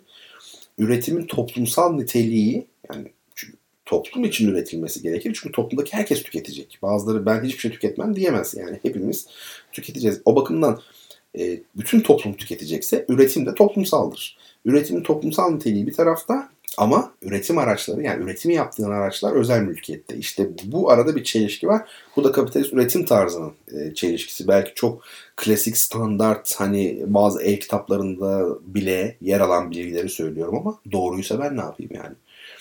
Şimdi problem burada işte. Bir ürünün kullanım için değil değişim için üretilmesidir. Yani değişim değeri kullanım değerinden önde. E, bu böyle serbest pazar ekonomisi dediğimiz bu. E, yıllarca işte solcular şöyle böyle mesela bu özelleştirmeye işte karşı çıkanlara e, işte efendim bir yuhalama falan var ya. E tamam o zaman şikayet etmeyin. Niye diyorsunuz bu sistemde? Mutlu olun yani. E, şimdi bu nedenle az önce söylediğim sebepten dolayı ırkçılık sorunu, işte efendim kadın sorunu, çevre sorunu, savaş sorunu, açlık sorunu, yoksulluk sorunu gibi sorunların tamamı içinde bulunduğumuz sistemden kaynaklandığı için kapitalizm var olduğu müddetçe bunların çözülmesi mümkün değil. Yani siyah hakları için mücadele ama yalnız bunun için mücadele. Kadın hakları için mücadele ama yalnız bunun için mücadele ve benzeri asla meseleleri çözemez diye düşünmekteyim. Neyse bu gece bu tür konulara girdik. Aslında insan ilişkilerinden söz ediyorduk ama konu daha böyle toplumsal siyasal bir düzleme e, geldi. Şimdi ben bundan böyle e, programda duyuşların önümüzdeki bölümlerinde insan ilişkilerinden de söz etmeye çalışacağım. Aslında bu e, size en başından beri e, söylemek istediğim şey sevgili dinleyicilerimden yine sevgili arkadaşım Fatih Çelik'in önerisiydi. Geçen gün kendisiyle bir telefon görüşmesi yaptık. O görüşmenin sonunda söyledi bunu. E, hakikaten de yani sanat, müzik, edebiyat, felsefe, dil ve hayat dolu bir program diyorum ben duyuşlar için ama burada hayat biraz eksik kalıyordu yani. Hep böyle işte felsefe yapıyorduk bilmem ne. İşte e, sinema filmleri değil mi yani? E, işte eksik kalıyordu yani. Söz gelimi bu insan ilişkilerine ve gündelik hayata ilişkin bizim e, sohbetlerimizde olmalı, olsun yani. Bu nedenle de ben hani Fatih'in önerisini benimsedim. Bundan böyle sohbetlerimiz de olacak. E, bu konuda sohbetlerimiz de olacak sanırım. E, duyuşları böyle çok daha dengeli ve güzel bir noktaya da taşıyacaktır bu diye düşünüyorum. Şimdi iki tane kitap tanıtmak istiyorum. Aslında bu bir seri. Yani biyopolitika serisi editörlüğünü Onur Kartal'ın yaptığı bir seri. Birinci cilt fotoğraflarını görebiliyor olmanız lazım Instagram'dan. Birinci cilt Platon'dan Arendt'e biyopolitikanın felsefi kökenleri. İkinci cilt Foucault'dan günümüzde biyopolitikanın iz düşümleri. E, bu serinin galiba üçüncü bir kitabı da vardı. Üç hatta dört çıktı mı bilmiyorum. Onları bir araştırırsanız iyi olur. Bir bakın. Yani internetten hemen ben de bakabilirim de yani atlamışım. Ben de çünkü iki tanesi var. O yüzden iki tanesini ben paylaştım şimdi sizinle. Bu tabi biyopolitika kavramına ilgi duyanlar için son derece önemli bir dizi. Aslında bir derleme bu. Bu konularda e, yazılmış olan yazıları bir araya getiren oldukça güzel bir derleme. İstifadeye şayan yani onu söyleyeyim. Mutlaka okumak, çalışmak lazım. E, öneririm size. Ben şimdi bu e, kitaplardan birincisinin, yani ikisini de yapmak istemedim. Sadece birincisinin şöyle bir e, arka kapağını size okuyayım. Bakalım ne diyorlar. Ben de hatırlamış olurum. Michel Foucault'un yapıtları sayesinde biyopolitika tıpkı bir salgın gibi ötenaziden ırkçılığa, kürtaj ve öjeni tartışmalarından güvenlik mekanizmalarına, cinsellik ve toplumsal cinsiyet rollerinden sağlık ve eğitim politikalarına, gen araştırmalarından borçlandırma stratejilerine, maddi olmayan emek ve esnek çalışma rejimlerinden mülteci ve göç sorununa kadar birçok alana bulaştı. Bu kitap söz konusu bulaşma alanlarını tespit etmeyi önüne hedef olarak koyuyor. Haliyle kendisini birden çok çerçeveye yaymak zorunda. Zira Türkiye'de siyaset kuramı arenasında bu bulaşma alanlarına layıkıyla temas eden çalışma sayısı bir, hadi diyelim iki elin parmak sayısını geçmiyor. Dolayısıyla Foucault'un tesis ettiği zemin üzerinde yol alan ama bununla sınırlı kalmayarak kavramın kendisini kurduğu diğer zeminlerin de haritasını çıkaran bu kolektif proje bir yanıyla siyaset kuramına dair kavramsal haznenin biyopolitika marifetiyle ne ölçüde zenginleştiğini ifşa etmeye gayret ederken, diğer yanıyla yaşam üzerindeki tasarruf mekanizmalarının çeşitliliğini görmezden gelen bir politik perspektifin neden daima eksik kalacağını göstermek niyetinde. Ne güzel bir cümle değil mi? Bir daha okuyayım mı cümleyi? Dolayısıyla Foucault'un tesis ettiği zemin üzerinde yol alan ama bununla sınırlı kalmayarak kavramın kendisini kurduğu diğer zeminlerin de haritasını çıkaran bu kolektif proje bir yanıyla siyaset kuramına dair kavramsal haznenin biyopolitika marifetiyle ne ölçüde zenginleştiğini ifşa etmeye gayret ederken diğer yanıyla yaşam üzerindeki tasarruf mekanizmalarının çeşitliliğini görmezden gelen bir politik perspektifin neden daima eksik kalacağını göstermek niyetinde. Bu proje aynı zamanda Foucault'un biyopolitik kurama yaklaşımını da tartışmaya açmayı, Heideggerci jargonla söyleyecek olursak, olumlu imkanların keşfini mümkün kılacak bir destrüksiyon projesini de hayata geçirmeyi hedefliyor. Foucault'un biyopolitikasına ruhunu veren kavramların felsefe arenasında bir karşılığı vardı elbette. Ama Foucault bunların keşfine koyulmayı tercih etmedi. Halbuki olumlayıcı bir biyopolitika düşüncesinin filizleneceği damarlar felsefe tarihinin ana momentlerinde keşfedilmeyi bekliyorlardı. İşte şimdi geldi söyleyeceği yere. Bu nedenle yani e, Foucault bunların keşfine koyulmayı tercih etmedi diyor. Yani felsefe, biyopolitikanın felsefe arenasındaki karşılığını efendim keşfetmeyi tercih etmedi. Halbuki olumlayıcı bir biyopolitika düşüncesinin filizleneceği damarlar felsefe tarihinin ana momentlerinde keşfedilmeyi bekliyordu. Bakalım neymiş onlar? Biyopolitika adı konmamış olsa da ta Platon'dan beri bir şekilde e, o momentlerde var aslında o damarlar. Şöyle diyor son paragraf. Bu nedenle elinizdeki kitap kendisini bir keşif hareketi olarak konumlandırıyor. Platon'dan Aristoteles'e, Agustinus ve Akinoğlu Toma'dan Hobbes ve Spinoza'ya, Hegel ve Marx'tan Nietzsche'ye ve nihayet Arendt'e kadar uzanan bir hattı hem biyopolitik tartışma düzlemini zenginleştirmek hem de kurucu bir biyopolitik alternatifin kavramsal terminolojisini filizlendirmek için seferber ediyor. Çok e, güzel bir dille yazılmış değil mi? Bu tanıtım yazısı, arka kapak bu. E, yazılar yani felsefeye biraz uzak olan dostlar için biraz ağır olabilir. Yani kitabın içindeki yazılardan bahsediyorum. Ama almanızı öneririm, getirtmenizi öneririm bir şekilde. Üçüncü cilde var galiba. Onu hatta ben de sipariş edeyim. Bu vesileyle aklıma geldi. Sonradan baskısı bitiyor filan. Gerçi yine buluyorsunuz sahaflarda filan işte nadir kitaptan ama yine de tabii hani e, bitmeden de almakta fayda oluyor. Bazen de bulunmuyor yani. Peki kitap tanıtımında bulundum. Sizlere güzel bir kitap tanıttım. Bu kitapları daha önce tanıttım mı hatırlamıyorum. Çok güzel bir istatistik tutuyorduk yani duyuşlarla ilgili. Ee, hani hangi müzikleri dinlettim, hangi kitapları hediye ettim, efendim hangi kitapları tanıttım, hangi şiirleri okudum filan. Hani böylelikle çok tekrara düşmeyeyim diye genellikle bir dinlettiğimi bir daha dinletmiyordum veya bir tanıttığımı bir daha tanıtmayayım diyordum ama son belki bir yıldır o e, istatistik tam olarak düzenlenemiyor. Yani yine var, tamamı var o istatistiğin ama farklı bir yerde bilgisayarda bulunduğu için o ana listeye eklenemediği için hatırlayamıyorum. Biraz e, şey yapacağım yani. E, şimdi size bir soru sorayım. Ve bu soruyu bilene ilk kitabımızı gönderelim. Bakalım neymiş sorumuz. Biz de arkasından müzik arasına gelmiş oluruz. 1970 yılında Türkiye'nin batısında meydana gelen 10.600 binanın hasar görmesine, 3.500 binanın tamamen yıkılmasına, 1086 vatandaşımızın ölümüne, 80 bin vatandaşımızın evsiz kalmasına neden olan ve artçı sarsıntıları bir yıldan fazla süren büyüklüğü 7.2 olan depremin adı nedir? Hangi deprem bu yani? Onu soruyorum. Şimdi Charles Ives'ın The Unanswered Question adlı cevapsız soru, cevaplanmamış soru nasıl çevriliyorsa. Bu kompozisyonla ilgili fikrinizi merak ediyorum. Şöyle bir dinleyin bakalım nasıl bir e, müzik, çok sıra dışı bir müzik olduğunu göreceksiniz. Yani Orpheus'la Eurydice, hani ilk müziğimiz vardı ya dinlediğimiz. O nasılsa bu müzik o kadar ters ve bence kesinlikle bir başyapıt 1908 yılında bestelendiğini de unutmayın. Şimdi Charles Ives'ın Unanswered Question adlı parçasını dinliyoruz ve kaldığımız yerden devam ediyoruz.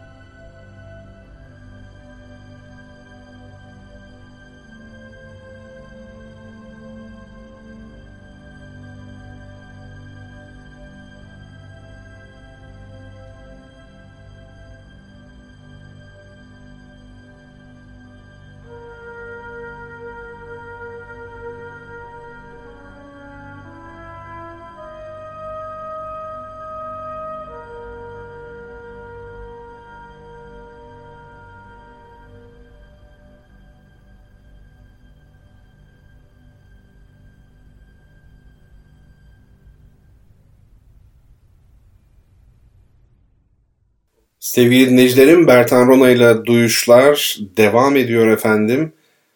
Sanat, edebiyat, felsefe, dil, kültür ve hayat üzerine bir program olan Duyuşlar her hafta çarşamba geceleri saat 22'de Radyo Gerçek kanalıyla sizlere ulaşmış oluyor efendim. Bu programda birbirimize kitap hediye ediyoruz. İhtiyacı olan öğrenci arkadaşlarımıza burs bulmaya, yardım bulmaya çalışıyoruz. Buna benzer şeyler yapıyoruz efendim. Ee, Twitter'da ve Instagram'da Bertan Rona adreslerindeyiz. Bu iki mecra önemli çünkü program sırasında bazı görsellerin açıklamasını yapıyorum ve bu görselleri de Instagram'a yüklüyorum. O bakımdan Twitter ve Instagram'da Bertan Rona olarak bendenizi bulun efendim, takip edin. Ee, onun dışında duyuşlar at gmail.com ve yine bertanrona at gmail.com'a bize iletmek istediğiniz ne varsa yazabilirsiniz. Efendim duyuşların geçmiş bölümlerinin tamamının SoundCloud'da bulunduğunu sizlere ifade etmiştim. E, o şekilde birinci bölümden itibaren dinleyen, e, bugünü yakalayan dinleyicilerim var. Ama artık Spotify'da da bulunuyoruz. E, bu zannediyorum çok daha geniş bir kesime ulaşacağımız anlamına geliyor. Spotify'da da artık duyuşlar var. Bunu ifade edelim efendim. Ve burs duyurumuzu yineleyelim. Ee, öğrenci arkadaşlarımız için burs e, duyurusu yapıyoruz sevgili dost, dostlar. Verebilecek durumda olanlar varsa bir defaya mahsus verebilirler. E, bir aylık veya bir defalık ya da bir yıllığına, altı aylığına verebilirler. E, ne kadar verecekleri tamamen kendilerine bağlı. 50 liradan başlar efendim üst sınır açık tabii ki. İnsanlar diledikleri kadar yardımcı olabilirler. Bunu yapamıyorsak, bunu yapamıyorlarsa eşe, dosta, yakınlarına, arkadaşlarına bunu duyurabilirler. E, vesile olabilirler. Böylelikle biz de öğrencilerimize yardımcı olmuş oluruz efendim. E, felsefe sohbetlerimiz devam ediyor duyuşlarda. Bildiğiniz üzere iki hafta oldu başlayalı. Bu üçüncü hafta. Yani hala vakit var. Geçmiş iki dersi yani geçen haftaki programı ve önceki programı kastediyorum. Oradaki felsefe e, sohbetlerini kısa e, SoundCloud'dan veya işte yüklendiyse Spotify'dan dinleyerek e, bugünkü dersi yakalayabilirsiniz. Ama tabii e, yani dersleri müstakil olarak dinlemenizin de bir sakıncası yok. Bunun önünde bir engel yok. Yine yararlı olur tabii ki ama baştan itibaren böyle belki de küçük notlar tutarak gitmek en sağlıklısı şüphesiz. Şimdi e, geçen hafta e, diyalektik yöntemin biliyorsunuz diyalektik yöntem e, efendime söyleyeyim bir de metafizik yöntem iki birbirine karşıt yöntem bunlar. E, şimdi biz diyalektik yöntemi inceliyorduk ve geçen hafta diyalektiğin birinci yasası yani karşılıklı etki ve evrensel bağlantı yasası ki biz bunu kısaca her şey birbirine bağlıdır şeklinde özetliyorduk. Ee, daha sonra diyalektiğin ikinci yasasını ki o da evrensel değişme ve kesintisiz gelişme yasası. Bunu da yani özetle her şey durum değiştirir. Bu daha böyle bunlar pratik değil mi yani? Her şey birbirine bağlıdır. Her şey durum değiştirir. Öbürü çünkü evrensel değişme ve kesintisiz gelişme ya da karşılıklı etki ve evrensel bağlantı. Hani biraz daha belki uzun teorik akılda tutması zor. Oysa her şey birbirine bağlıdır ya da her şey durum değiştirir. İşte diyalektiğin birinci ve ikinci e, yasaları. Ve tabi diyalektiğin üçüncü yasası bu nicel değişikliklerin nitel değişikliklere dönmesi. Ha, her türlü nicelik birikimi bir nitel sıçrama yaratmaz. Onu söyleyelim. Nitel sıçrama e, içermeyen değişiklikler de vardır. Ve onlar ayrı. Tabii konuşuruz. Biraz daha ince bir konu olmuş oluyor o. Şimdi bugün de dördüncü yasaya geçelim. Diyalektiğin dördüncü yasası. Bu da e, karşıtlıklarla ilgili. Yani karşıtların karşıt olan ne varsa onların e, savaşımı ile ilgili, birbiriyle mücadelesi ile ilgili. Karşıtlar her zaman savaşırlar, mücadele ederler. Diyalektik bunu söylüyor. Şimdi çelişki, karşıtlık da diyebiliriz fark etmez. Biz çelişki diyelim şimdilik yani. Çelişki nerededir? Karşıtlık nerededir? Dışarıda mıdır, içeride midir? Yani biçimde midir, özde midir? Kesinlikle içeridedir, içtedir, özdedir. Yani yumurtanın efendim kırılması yani o çelişki, o karşıtlık nerede? İçeride aslında o mücadele sonucunda bir değişiklik oluyor. Nitel değişiklik bakımında değil mi? Yani civciv doğmuş oluyor. Çelişki içtedir. Çelişki yenileştiricidir. Yani yenileştirir, bunu belirtelim. Bir de karşıtlar birdir. Karşıtlar birdir. Biz karşıtları birbirinin karşısına koyarız. Adı üzerinde karşıt diyoruz ama aslında onlar birdir. Birbirine ayrı düşünülemezler çünkü. Şimdi yeni bir duruma geçmek yani diyalektik yenileştiricidir. Yeni bir duruma geçmek nasıl mümkündür? Nitelik açısından geçmek e, bu karşıt kuvvetlerden birinin öteki üzerinde zafer kazanmasıyla mümkündür ancak. Yani Fransız devriminde burjuvazi aristokrasi üzerinde tabi müttefikleriyle birlikte burjuvazi aristokrasi üzerinde zafer elde etti. Büyük bir karşıtlıktı bu ikisi arasındaki karşıtlık ve nitel bir değişiklik oldu. Siyasal iktidarı da ele geçiren e, burjuvazi artık serbest pazar ekonomisini tamamen tesis ederek yepyeni bir dünyanın kapılarını aralamış oldu. Ee, şimdi bir şeyin değişmesinde, gelişmesinde birinci önem taşıyan şey onun iç çelişkileridir. Kendi içindeki çelişkilerdir. Dış etkenlerle ilişkiler ise ikincil önemlidir. Yani dış etkenler de önemli. İşte efendim siz şöyle diyelim. Yani bir yumurtanın kendi içinde bir çelişki var. İşte çok klasik örnekler bunlar ama anlayabilmek için önemli yani. E, bu yumurtanın yani ama 21 gün boyunca işte tavuk değil mi üzerine yatacak. Belli bir sıcaklık olacak ki civciv olsun. Şimdi e, peki sıcaklık olmadan çıkabilir mi içinden civciv? Hayır çıkmaz. Ama şunu da unutmayın. İstediğiniz kadar 21 gün boyunca uygun sıcaklığı verin bir taş parçasından da civciv elde edemezsiniz. Yani esasen çelişki yine nerede? İçeride. Dışta değil. O etken. Onu söyleyelim yani. Dış etken yani. Ee, çelişki peki hani karşıtlıklar arasında var olan bu savaşın ne zaman sona erer? Çelişki ne zaman e, çözümlenir? Yeninin kes, e, kesin olarak eskiye üstün geldiği zaman çözümlenir. İşte Fransız örneğindeki gibi yani. Yeni olan eskiye kesin olarak üstün geldiğinde iş artık bitmişti.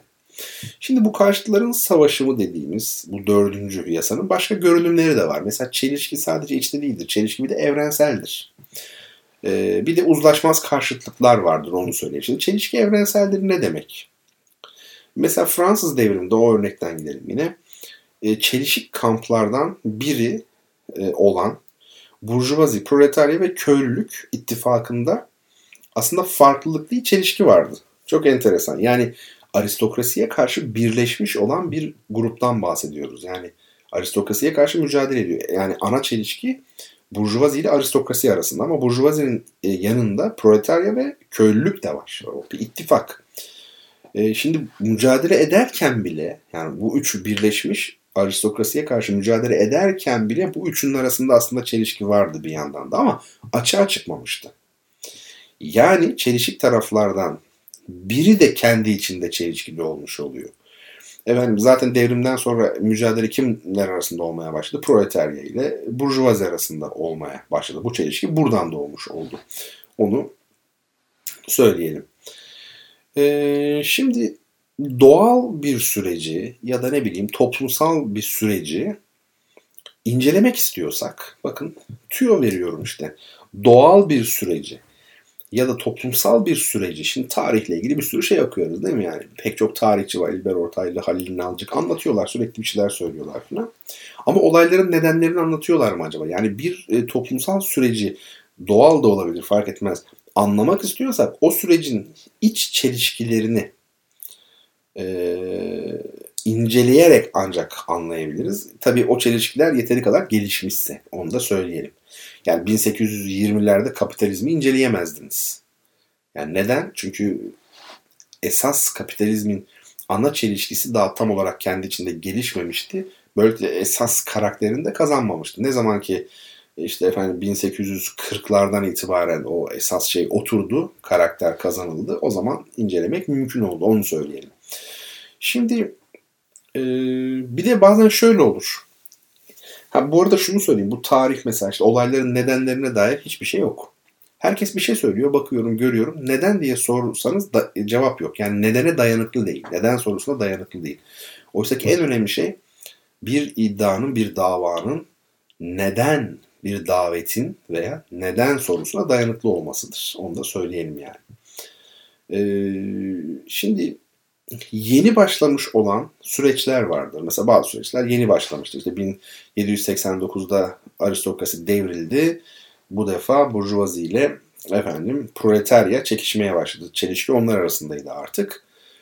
E, peki yeni başlamış bir süreç yani. Bu süreç hakkında sahip olunan bilgimizi eğer biz zamanından, vaktinden önce genişletirsek, daha doğrusu şöyle genelleştirirsek, hani bu çok genel bir takım çıkarımlarda bulunursak, e, bu doğru olmaz. Onu söyleyeyim. Çünkü bu sürecin önemli yönlerini ihmal etmek anlamına gelir. Bu da aslında diyalektik yöntemden çok metafizik yönteme yakındır. Onu söyleyelim.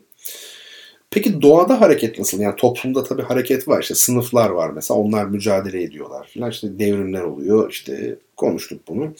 Doğada da hareketin bir temel biçimi var. O da çekme ile itme. Doğada da böyle. Yani birbirini parçalama değil mesela. Çekme, itme. Doğadaki hareketin temel biçimi budur. Onu söyleyelim. Peki insan toplumu mesela neyin ürünüdür? Tabiat ile bizim çok uzak eski atalarımız arasında var olmuş olan, yaşanmış olan bir savaşımın ürünüdür. Yani biz tabiatı alt etmek, kendimize göre uyarlamak, korunabilmek, var olabilmek için tabiatla giriştiğimiz mücadele sonucunda insan toplumu var oldu. Bakın o da bir mücadelenin ürünü. Ee, hayvandan insana geçişi yani evrime göre tabii ki insan e, belli bir noktada hayvanlarla akraba hayvandan insan dediğimiz varlığa nitelik anlamında geçişi sağlayan da aslında yine toplumsal emektir. Bunu da belirtelim. Şimdi yalnız bir şey söyleyeyim. Ee, çeliş yani şöyle yani karşıtlıkla uzlaşmaz karşıtlığı karıştırmamak lazım. Ya da şöyle diyeyim. Çelişki başka, antagonizma başka. Antagonizma uzlaşmaz karşıtlık demek. Yani her çelişki, her karşıtlık illaki uzlaşmayacak diye bir şey yok. Uzlaşmaz karşıtlık değil. Uzlaşmaz olanlar antagonizm adı verilen karşıtlıklar. E, karşıtlıklar. E, uzlaşmaz karşıtlık çelişkinin sadece bir anıdır. Mesela bir örnek verelim şimdi. Köleci toplumda bir tarafta köle sahipleri var, bir tarafta köleler var. İşte burada uzlaşmaz bir karşıtlık var. Mutlaka birinin devrilmesi lazım. Tekim en son kim devrildi uzun sürenin ardından? Köle sahipleri devrildi, feodal sisteme geçildi. Efendim ya da feodal sistemde köylülerle aristokratlar arasında bir mücadele var. Bu uzlaşabilir mi? Hayır uzlaşamaz. Ne oldu? Feodal toplum yerini kapitalizme bıraktı. Kapitalizmde de işte en azından başlangıç yıllarında burjuvazi ile proletarya arasında bir karşıtlık var, bir mücadele var ve yine uzlaşmaz bir karşıtlık bu antagonizma. Efendim o da işte Sovyetler Birliği'nde bir devrim oldu falan filan. Bu konuda çok çok uzun konuşulabileceği için hani devam etmeyeyim. Ama şunu bunları niye söyledim? Şu örneği verebilmek için söyledim. İlkel komünal toplum. Yani kölecilikten de evvel dünyada var olan toplum. Komün aslında ilkel ama komünal toplum. Mesela burada da çelişki yok muydu? Vardı. Mesela avcı, çiftçi, balıkçı gibi farklılıklar vardı ilkel komünal toplumda. Ama ne yoktu? Uzlaşmaz karşıtlık değillerdi bunlar. Yani avcılarla işte efendim şey diyelim mesela işte çiftçiler biri tarım yapıyor, biri hayvancılık yapıyor, biri denizci mesela balıkçı. Bunlar arasında da bir çelişki var, farklılık var ama uzlaşmaz karşıtlık değil. Hepsi bir arada yaşayabiliyorlar onu söyleyelim. Şimdi ee, mesela bazı toplumlarda işte sosyalist toplumlarda işte köy kent emeği, işte köy kent veya kafa emeği, kol emeği bunlar vardır biliyor musun? Çoğu zaman yok zannedilir. Hayır. O tip toplumlarda da bu karşıtlıklar var ama uzlaşmaz nitelikte değil. Birbiriyle uzlaştırılabilir nitelikte ki bunun örneği var. Yakın tarih incelenirse görülebilir örneklerin yani. Ee, insan şunu da söyleyeyim tabii düşünce dediğimiz şey e, şey çelişki dediğimiz şey düşüncede de geçerli. Yani çelişki sadece toplumda olmaz, sadece doğada olmaz. İnsan düşüncesinde de olur tabii. E, mesela duyumlar alıyoruz biz değil mi yani? Ağaç gördük mesela bir tane bebekliğimizden itibaren. Bir tane daha gördük. Bir tane daha. Bu nedir? Duyumdur. Ağaç duyum. Bir süre sonra bunların hepsini birleştirip ağaç diye bir kavram oluşuyor bizde. Yani ağaç deyince gözünüzün önüne bir şey geliyor değil mi? Ama hangi ağaç o belli değil. İşte o kavram. Değil mi? Yani insan demek ki tekil olan duyumu tümel olan kavramla aşıyor. Ama kavramsal aşama, bu geldiğimiz aşama tekrar duyuma dönüyor. Ve onu etkiliyor, duyarlılığı da etkiliyor. Şimdi ne demek bu? Mesela Mozart'ın 40. senfonisini. Ee, mesela ben ya da müziği bilen birisine de dinletebilirsiniz. Efendim hiç anlamayan, hiç eğitimsiz yani bu konuları da bilmeyen birine de dinletebilirsiniz. Aslında duydukları aynı müzik çalındığında. Ama biri büyük bir zevkle dinliyor, öbürü hiçbir şey anlamıyor, zevk almıyor. Bakın ne oldu? O kavramsal, e, kültürel donanım duyarlılığı da etkiliyor, duyumları da etkiliyor. Yani burada bahsedilmek istemiyorum. Dolayısıyla çelişki yani tekil olanla tümer olan arasında, duyumla kavram arasındaki çelişki e, insan düşüncesinde var demek ki. O halde sadece toplumda ve doğada değil, aynı zamanda düşüncede de çelişkinin, karşıtların mücadelesinin iş başında olduğunu söyleyebiliriz. Mesela analizle sentez. E, çoğu kimse bunları birbirinin karşısına koyar. Alakasız, tam tersi bunlar birbirini der. Oysa ki biri olmadan diğeri olmaz. Mesela analiz ne yapar? Bir bütünü, analiz ne demektir? Bir bütünü kendisini oluşturan parçalarında tanımak demektir. Dolayısıyla analiz bize parçaları gösterir ama parça nerede anlam kazanır? Bütün içinde bir anlam ifade edebilir. O yüzden de e, sentetik bir anlayış gereklidir. Yani sentez gereklidir. Demek ki analizde sentezde bir bütün. Onu söyleyeyim. Teori ile pratik de bir bütün. Teori dediğimiz şey tamamen pratikten çıkar ve pratiğe geri döner. Zaten insan düşüncesi de diyalektik yöntemle işlediği için doğayı anlayabiliyor, toplumu anlayabiliyor. Bunu da geçen gün yazmıştım. Yani tabii insan düşüncesi doğayı ve toplumu niye anlayabiliyor? E çünkü doğa ve toplum gibi kendisi de diyalektik e, yasalara göre çalışıyor aslında. Biliyor musunuz bu hani e, biz kainatı onunla aynı özden olduğumuz için anlayabiliyoruz. Mesela bu tasavvufta çok karşılaşacağımız, karşılaştığımız bir cümledir. E, ya da işte efendim her şey zıddıyla kaimdir. Ne demek bu? Her şey zıddıyla kaimdir. İşte karşıtların birliği. Her şey zıddıyla kaim. Bir arada karşıtlar bir arada demek ki. Dolayısıyla aslında bu diyalektiğin yasaları hiç ummadığımız yerlerde yani dinde efendim olabilir mitolojide zaten e, üstü kapalı bir şekilde dile getirilmiş durumdadır. Hiç şaşırmayın onu demek istiyorum. E, ya da işte biz en basitinden bir tanımlama yapsak bile mesela işte serçe bir kuştur desek bile e, serçeyi kendisi olmayan bir şeyle tanımlamış oluyoruz. Yani kuşla tanımlamış oluyoruz. O zaman e, bakın ne olmuş oldu şimdi. İşte kuş kuştur, serçe serçedir diyen metafizik mantık yeni bir şey öğretmiyor bize. Bir şey ancak kendisidir diyor ya. Oysa ki diyalektik mantık diyor ki hayır bir şey ancak kendisi değildir. Bir şey aynı zamanda başka bir şeydir. Mesela bir adam mesela uzun mu kısa mı? Ya neye göre şimdi? E, Michael Jordan'a göre kısa efendim ama daha çok daha kısa birine göre de uzun mesela. Hem uzun hem kısa aynı anda. O yüzden formel mantık, metafizik mantık yeni bir şey öğretmez ama yine de gereklidir. Bu dünyada da geçer. Onu size söyleyeyim. Çoğu kere gündelik hayatta geçebilir. Yani bir e, tencereyi kaybettiniz. Tencereyi arıyorken tencere nedir? Tabii ki tenceredir yani. İşte efendim bu hem tencere hem de metal falan diye arayamazsınız. Yani Newton fiziği Einstein fiziğiyle aşıldı. Einstein aştı Newton'ı. Onun söylediği pek çok şeyin uzayda geçerli olmadığını gösterdi. Ama Newton fiziği dünyada hala iş görüyor ve biz Newton fiziğine göre işte efendim binalar yapıyoruz falan filan neyse. Bilim böyledir yani yavaş yavaş ilerleme olur ve eskiler tamamen yanlışa çıkmazlar. Onlar yine kullanılmaya devam ederler öyle söyleyelim. Şimdi felsefe sohbetimiz şimdilik burada dursun. Haftaya devam edeceğiz yine. Lütfen bu şeyleri kaçırmayın ya. Bakın çok önemli. Bunları ufak ufak notlar tutarsınız. Müzikleri dinleyin. Sinema filmleri üzerine konuşuyoruz. Yani ne güzel işte kendimizi geliştiriyoruz. Alın size küçük bir üniversite, medrese yani diyorlardı ya. Hocam küçük medrese diye kim demişti? Biri dedi bunu. Ee, ya öyle. Şimdi mesela üçüncü yılımızı geçtik. Değil mi? E, 4 yıl olacak inşallah yani olursa. 5 yıl. Yani böyle tabii çok istekli anlatıyorum da hani inşallah olacak deyince ya e, aslında tabii benim için çok yorucu çünkü başka işlerim var. Çoğu kere diğer işlerimden e, fedakarlık ederek, feragat ederek bunu yapıyorum. Doğru mu değil mi bunu da bilmiyorum. Ama yani yaptığım müddetçe insanlar yararlansın. Ben de sizlerle sohbet edeyim samimi bir şekilde. Temel motivasyonum o. Şimdi sorumuzun cevabı hani bir soru sorduk. Nasıldı? Şöyleydi. 1970 yılında Türkiye'nin batısında meydana gelen 10.600 binanın hasar görmesine, 3.500 binanın tamamen yıkılmasına, 1086 vatandaşımızın ölümüne, 80 bin vatandaşımızın evsiz kalmasına neden olan ve artçı sarsıntıları bir yıldan fazla süren büyüklüğü 7.2 olan depremin adı nedir? Evet sorumuz buydu. Doğru cevabımız tabii ki Gediz depremi.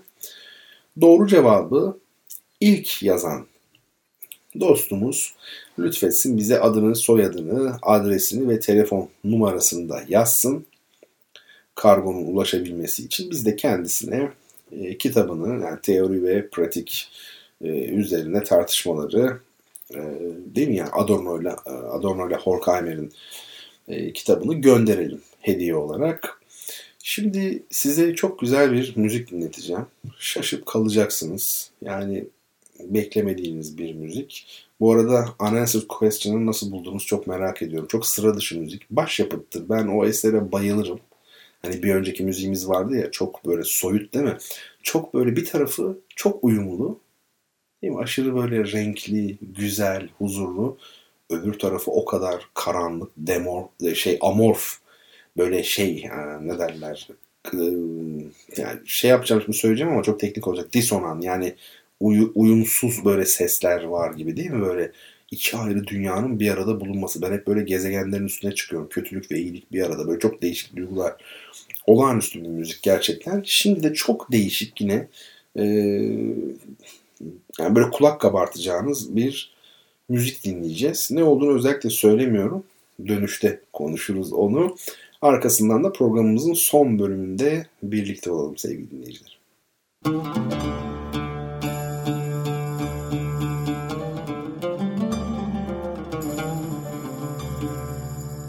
Στο πακέστο ξαναλέω στο γυαλό μην κατεβείς στο πακέστο ξαναλέω στο γυαλό μην κατεβείς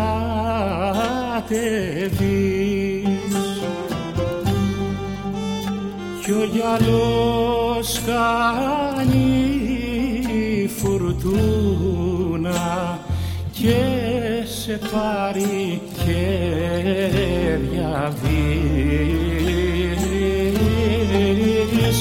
ο γυαλός κάνει φουρτούνα και σε πάρει χέρια κι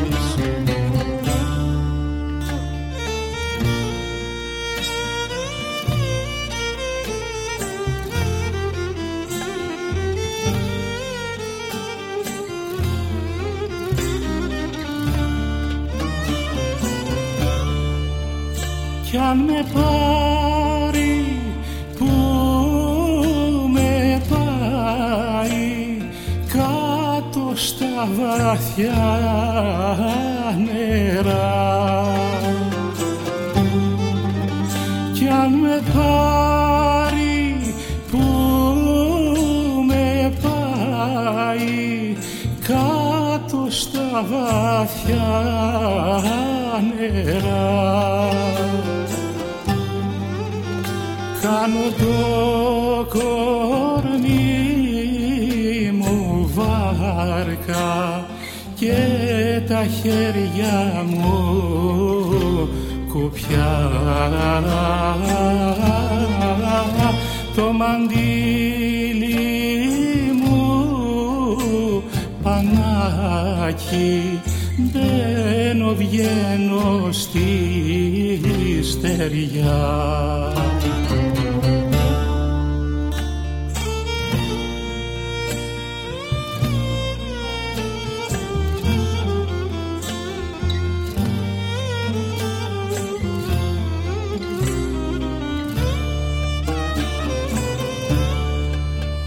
στο πακέστο ξαναλέω μη μου γράφεις γράμματα.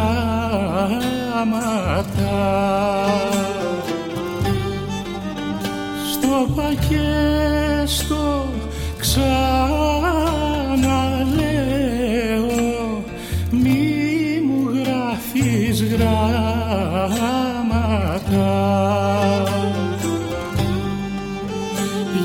Γράμματα δεν ξέρω και με πιάνουν κλάματα.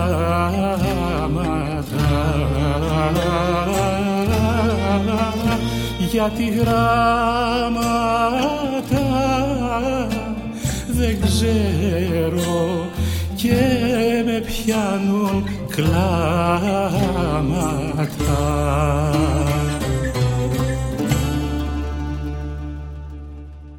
Efendim duyuşlar devam ediyor. Acaba müziği nasıl buldunuz? Bu bir Yunan müziğiydi, Yunancaydı. Bir uzun hava gibi değil mi adeta? ne kadar benziyoruz değil mi birbirimize? E bu kadar benziyorken böyle işte yapay bir şey ne derler adına düşmanlık e, hiç akıl kârı değil aslında. O düşmanlık birilerinin körüklediği düşmanlık yoksa Türk halkı ile Yunan halkının hiçbir sorunu olamaz. Benzer e, problemleri yaşıyorlar zaten e, benzer sıkıntıları yaşıyorlar işte efendim yoksulluk gibi vesaire vesaire. Şimdi bu e, müzik bir Yunan müziğiydi. E, annemin anlattığı bir şey vardır onu zaman zaman anlatır. Almanya'daki ilk zamanlarında e, ilk gittiğinde ama yani ilk böyle çok şey olmuş ne derler böyle diyor ki hani çok sıkıldım. Şimdi Türkiye'den gidiyorsunuz. Nereye gidiyorsunuz? Hannover'e. Nereye gidiyorsunuz? Bir de kuzey böyle hani Bremen falan yani. Lübeck. Yok işte Leipzig yani. Kuzey olduğu zaman tabii daha da farklı yani. Ee, bir Münih gibi değil. Gerçi Münih de yani aratmaz da hani Bavyera farklı. Hani kuzey farklı. Neyse bir süre sonra artık çok büyük yalnızlık çektim. Yalnızlık çektim. En sonunda da e, yani çok bunalmış. Derken bir gün tabii memleketi özlüyor, Türkiye'yi özlüyor. Bir gün radyoda bir müzik işte bunun gibi bir şey. Anlamadım diyor. Önce zannettim ki yani Türkçe, yani bir türkü falan zannettim diyor. O kadar benziyor ki az önceki müzik gibi. Ve diyor ben bir kötü oldum, başladım ağlamaya. Şimdi bu çok önemli biliyor musunuz? Yani Yunan müziğiyle ağlamak. İşte bu hale düşersiniz. Yani Yunanlara da söylüyorum tabii ki onlar da Türk müziğiyle ağlayabilirler. Birbirini çok fazla e, birbirine benzeyen yemekleri, yani mutfak kültürleri, müzikleri falan iki e, millet bunlar aslında. E, kışkırtmalara kapılmamak gerekiyor. Dostluk yine esastır. Şunu unutmayalım. En kötü dostluk en iyi savaştan milyon kat daha iyidir yani. Onu da belirtelim. Şimdi hadi gelin ikinci sorumuzu soralım. Bugün 3 Haziran e, dolayısıyla Nazım Hikmet'in ölümünün değil mi? Yıl dönümü bir hesap yapalım bakalım. 63'te öldüğüne göre 37 oradan 57 yıl olmuş Nazım Hikmet'in vefatının üzerinde 57 yıl geçmiş. Ee, bu kitabı yani ikinci kitabımız o yüzden Nazım Hikmet'ten seçtim ben. Yeni Şiirler. Yapı Kredi yayınlanan. Çok güzel bir kitaptır Yeni Şiirler. Böyle Nazım Hikmet'in böyle bazısı çok bilinen bazısı daha az bilinen pek çok şiiri vardır orada. E, onu hediye edeceğiz. Sorumuz şöyle. Olağanüstü doğal güzelliğiyle tanınan Hakkari kent merkezine 22 kilometre uzaklıkta bulunan ve Türkiye'nin en yüksek yaylalarından biri olan 3500 metre rakımlı yaylanın adı nedir? Yani 3500 metre rakım çok yüksek tabii yani. E bu şeyin yaylanın, Hakkari'deki bu yüksek yaylanın e, adını soruyorum. Fotoğrafını da paylaştım Instagram'dan bu arada. Tek bir fotoğrafını. Olağanüstü bir yer tabii ki. Görmeyi çok isterim. İnşallah bir gün imkanım olur yani. Hakkari'yi görmeyi çok istiyorum zaten. Hakkari enteresan bir yer. Hakkari üzerinde bir gün konuşalım yani. Peki şimdi Nazım Hikmet'in e, yani Nazım Hikmet üzerine biraz e, azıcık dertleşelim, söyleşelim. Sonra da onun bir şiirini okuyacağım zaten. Finali de öyle yaparız. Şimdi Nazım Hikmet'in e, dediğim gibi yani duyuşlarda yıl dönümlerine pek yer vermiyorum ben. Hatta bugüne dek yani hatırlamıyorum ama hiç yer vermemiş bile olabiliriz yani. Siz hatırlıyor musunuz? duyuşlarda filancanın doğum günü, işte yıl dönümü, ölüm yıl dönümü falan ben zannetmiyorum. Ama Nazım'ı kısaca anmak istedim ben bu gece yani. Ee, şimdi ben Nazım Hikmet'in Türk Edebiyatı'nın en büyük şairi olduğu kanaatindeyim. Uzun süre pek çok kimse böyle düşündü Türkiye'de yani bunu kabul edelim. Ve bu insanların bir kısmı tabii e, kendilerini ideolojik sahiplerle Nazım Hikmet'e yakın hissediyordu. Yani Nazım Hikmet'i Türkiye'nin en büyük şairi görmesinin sebebi edebi e, bir kaygıdan ziyade yani edebi bir e, çıkış noktasından ziyade hani sol görüşten ötürü aslında böyleydi. Hep böyledir zaten. Yani şimdi Necip Fazıl'ı beğenenler de yani çok büyük şair olduğu için beğeniyor. Hayır daha çok yine ideolojik. Nazım Hikmet'in de böyle yani ideolojik sahipler de çok kişi beğeniyordu belki ama sonuçta Nazım'ın Türk Edebiyatı'nın en büyük şairi, dünya edebiyatının ise en büyük şairlerinden biri olduğu kanaati hakimdi. Pek çok kesimde yani solcu olmayanlarda da vardı bu. Hala böyle düşünen insan sayısı çoktur onu söyleyeyim. Ve ben de işte dedim ya bu insanlardan biriyim yani bana göre öyle. Tabii hani e, besteciler, şairler yarıştırılmaz. Bu daha büyük, bu daha büyük yani. Ne bileyim birbirinden çok farklı insanları nasıl yani şey yapacaksın? Mesela Cemal Süreyya ile Hasan Hüseyin'i nasıl bir arada değerlendirebilirsin? O anlamda değil ama öyle olsa bile yine de yazdıkları ortada yani uluslararası etkisi ortada yani çok büyük bir şair oldu. Zaten kesin. Muarızları bile, karşıtları bile bunu kabul ediyor. Mehmet Kaplan gibi bir adam bile mesela Kültür ve Dil kitabında Nazım Hikmet'in çok büyük bir şair olduğunu söylüyor. İyi bir şair, çok iyi bir şair olduğunu söylüyor. Ee, fakat şimdi şunu söyleyeyim. Belli bir tarihten itibaren e, Nazım'ın eleştirildiğini, işte başka şairlerle kıyaslandığını, hatta bilirsiniz işte bu meşhur bir mesele kartpostal şairi olduğu falan gibi şeyler bile söylenmeye başladı. Nazım Hikmet belli bir dönemden sonra yazdıkları boştur işte kartpostal şairi falan gibi. E, kızmaya gerek yok çünkü e, bunun nedenleri var. Yani böyle söylenmesinin nedenleri var aslında. Bu nedenlerin başında da bana kalırsa Türkiye'de orta sınıfın, kentli orta sınıfın daha bağımsız, toplumdan daha bağışık, küçük burjuva aidiyetleri daha güçlü bir katmanın oluşmaya başlaması geliyor. Birinci neden e, bu olabilir.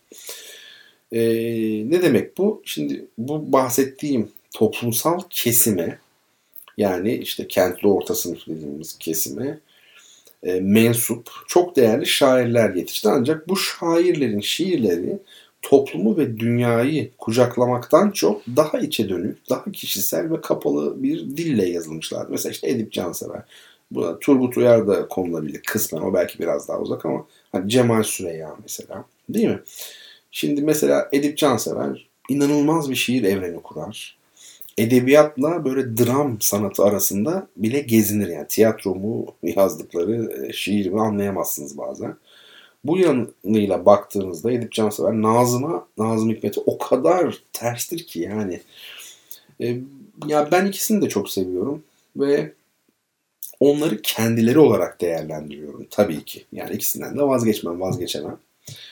Ee, Nazım Hikmet'te daha önce de ifade etmişimdir. İlginç bir biçimde düşünce ön planda. Yani ne ses, ne musiki işte, ne ritim, ne imge, ne vezin yani ölçü ne bir şiirde bunlar vardır ya mesela Yahya Kemal deyince vezin gelir, efendim musiki gelir, form gelir mesela. Her şairde başkadır yani.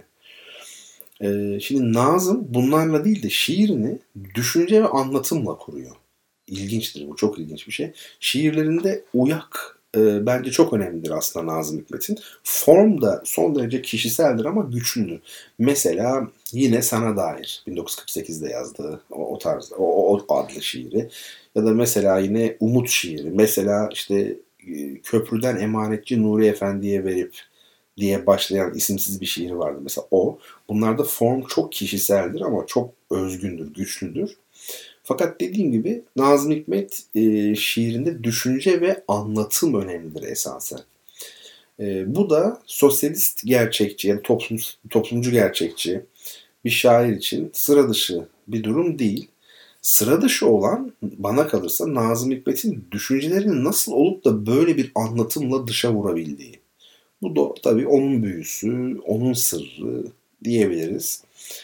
Neyse yani bu gece e, bu konuları fazla aslında irdelemek istemiyorum ben. Belki böyle kısaca söyletmemiz iyi oldu ama tabii onu da söyleyelim. Yani çünkü hem Nazım'ı almış olduk hem de benim bu naçizane tespitlerimden sonra belki bazı arkadaşlarımız merak ederler. Nazım'ı bilmemek pek mümkün değil ama hani bu söylediklerimi hani Allah Allah düşünce, anlatım, işte efendim form, uyak, kafiye bunlara araştırırlar belki. Bu arada şunu da belirtelim. 3 Haziran e, vesilesiyle onu söyleyelim.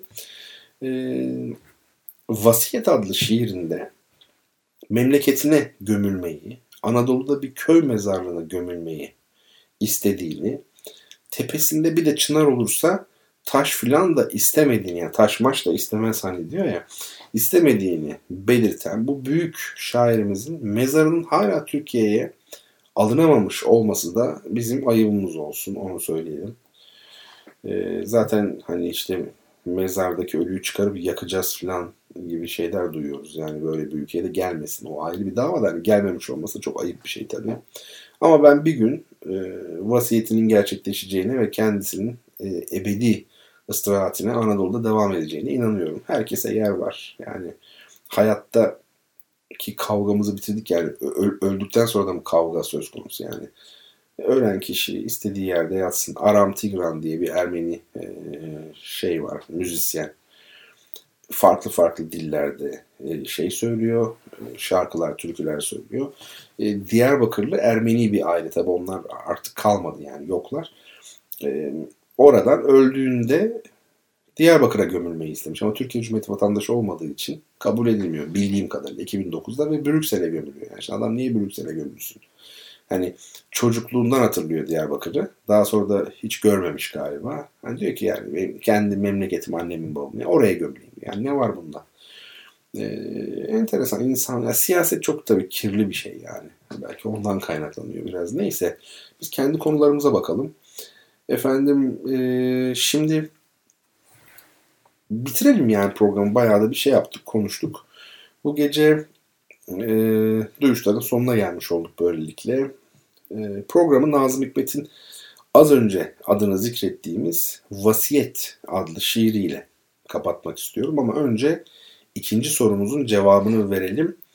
E, kitabımızı hediye edelim, gönderelim sahibine ve burs duyurumuzu yineleyelim efendim. Şimdi ikinci sorumuz neydi? Olağanüstü doğal güzelliğiyle tanınan Hakkari kent merkezine 22 kilometre uzaklıkta bulunan ve Türkiye'nin en yüksek yaylalarından biri olan 3500 metre rakımlı yaylanın adı nedir? Instagram'da da fotoğrafı var. Nazım Hikmet'in fotoğrafını da oraya koydum. Efendim Berçelan yaylası doğru cevap. Valla enteresan internete baktım. Bir haberde 3300 diyor rakım için. Bir haberde 3500 diyor. Bir haberde 3800 diyor. Ben de 3500 olanını aldım yani ne yapayım. Sizin için size doğru bilgi vermek için ki bu soruda ha 3500 olmuş ha 3800 çok önemli değil ama yine de doğru olsun diye e, Hakkari Valiliği'nin sitesine kadar girdim internetten ama tam bir şey alamadım yani. Berçelen Yaylası'nın rakımını alamadım. Daha doğrusu Berçelen Yaylası yoktu. Diğer yaylalar vardı. Onların da rakımları hep verilmiş. Tabii Berçelen Yaylası diyoruz ama bu herhalde şey bu Cilo Dağı civarında bir yerde olması lazım. Yani 3500 çok yüksek. Yani ancak böyle bir 3800, 3900, 4000, 4100 metrelik dağlar var orada. 4200'e doğru. Hani o tür dağların arasında olabilir ancak. Zannediyorum öyle tabii. Çok yüksek yani 3500 rakımda yani nasıl anlatayım adaptasyon sorunu da yaşarsınız. İlk başta hani kolay değildir yani. Orada mesela siz ben biliyorum biraz bir hafta yaşayın. 3500 rakımla yani gittikten sonra hemen dönmeyin mesela biraz kalın. İlk hafta kesinlikle şey yaşarsınız halsizlik yani güçsüzlük yaşarsınız basınçla ilgili bir şey bu. Mesela Bolivya'nın başkenti La Paz dünyanın en yüksek başkenti. İşte rakım kaç orada? 3650 mi? Öyle bir rakımı var. 4000'e yakın yani. Bazı yerlerde 3900 falan. Mesela oraya giden e, futbol kulüpleri e, halsizlik yaşıyorlar. Maça gidiyor adam mesela. Almanya Bolivya ile maç yapacak mesela. Oraya bir gidiyor. İşte hemen şey oluyor. Halsizleşiyor falan. O yüzden e, hemen başlamıyormuş halsizlik. Birinci haftadan itibaren başlıyormuş. Ben az önce yanlış söyledim. Böyle bir şey var. O yüzden takımlar ne yapıyor biliyor musunuz? Ya maçtan 1-2 gün önce gidiyorlar. Yani gider gitmez hemen maç yapıyor halsizlik başlamadan. Ya da 2 hafta önce gidiyorlarmış. Yani ben bunu bir yerde duymuştum yani. Hakikaten enteresan. Yüksek e, rakımın böyle bir etkisi var. Çok yüksek tabii bu 3500. Benim de çok özel ilgi alanım ya. Rakım meselesini çok seviyorum. Dolayısıyla böyle ballandıra ballandıra anlatıyorum. Berçelan yaylası. ismi de güzel. Peki. E, çok sevgili dinleyenlerim zaman zaman bu burs duyularına çok güzel dönüşler aldım ben. Radyo programında duyurduğum zaman çok güzel dönüşler geldi. O yüzden ısrarla her programda söylemeye devam edeceğim. Biraz arttırdım farkındaysanız yani hem programın başında hem ortasında hem de sonunda söylüyorum artık. Öğrencilerimize burs vermek istiyoruz. Yani yardımcı olmak istiyoruz, destek olmak istiyoruz. Ne derseniz deyin. Bunu başarıyoruz da. Yani öğrenci sayımız çok değil ama başarıyoruz. Fakat nasıl başarıyoruz? Açıkçası ucu ucuna başarıyoruz. Zaten şimdi pandemi süreci geldi. Ekonomik olarak da durgunluk var anladığım kadarıyla piyasada. Yani insanlar daha doğrusu öngörülemiyor bazı şeyler artık. Yani öngörülebilirlik azaldı pandeminin de etkisiyle. E, o bakımdan e, hani yardımcı oluruz tamam diyenler kendi isteğiyle e, diyenlerin tabii büyük bir kısmı artık yok. Haklılar bir şey diyemezsiniz insanlara. O bakımdan desteğinizi esirgemeyin lütfen. Bir defalık olabilir yardımınız. Bir yıllık olabilir. Altı aylık olabilir. Meblağı da siz belirleyin. Ben şu kadar veririm diye. Yeter ki e, Twitter üzerinden Bertan Rona ya da Duyuşlar, Bertan Rona ile Duyuşlar'ın da Twitter hesabı var. Bu mecralardan bize ulaşın. E, Instagram'dan ulaşabilirsiniz yine Bertan Rona. Mail yazabilirsiniz. E, pek çok arkadaşla bu şekilde süreci götürüyoruz ve gayet güzel her şey. Bunu bekleriz. Peki ve öğrencilerimiz adına tabii teşekkür ederiz hepinize. Duyurabilirsiniz de yani kendiniz yardımcı olmayacaksanız duyurursunuz mesela eşe dosta değil mi yakınlarınıza falan oradan bir şey çıkar siz kendiniz vermiş gibi olursunuz ne güzel ne fark eder ki yani ha o vermiş ha bu sonuç önemli yani biz o parayı yatırabiliyor muyuz yatıramıyor muyuz yani. Efendim bu gece duyuşlarda bana eşlik ettiğiniz için sizlere çok teşekkür ediyorum hep birlikte merak etmeye, sormaya, anlamaya, iyi, doğru ve güzel ne varsa peşine düşmeye devam edeceğiz. Haftaya çarşamba gecesi e, yine saat 22'de e, bir arada olabilmek dileğiyle hepinizi en içten duygularımı sunuyorum dostlar. Her şey gönlünüzce olsun. Vasiyet. Yoldaşlar nasip olmazsa görmek o günü Ölürsem kurtuluştan önce yani alıp götürün. Anadolu'da bir köy mezarlığına gömün beni. Hasan Bey'in vurdurduğu Irgat Osman yatsın bir yanında. Ve çavdarın dibinde toprağa çocuklayıp kırkı çıkmadan ölen Şehit Ayşe öbür yanında. Traktörlerle türküler geçsin alt başından mezarlığın. Seher aydınlığında taze insan, yanık benzin kokusu. Tarlalar ortamalı, kanallarda su. Ne kuraklık ne jandarma korkusu. Biz bu türküleri elbette işitecek değiliz. Toprağın altında yatar upuzun, çürür kara dallar gibi ölüler. Toprağın altında sağır, kör, dilsiz. Ama bu türküleri söylemişim ben. Daha onlar dözülmeden. Duymuşum yanık benzin kokusunu, traktörlerin resmi bile çizilmeden. Benim sessiz komşulara gelince Şehit Ayşe ile Irgat Osman çektiler büyük hasreti sağlıklarında. Belki de farkında bile olmadan. Yoldaşlar, ölürsem o günden önce yani öyle gibi de görünüyor. Anadolu'da bir köy mezarlığına gömün beni.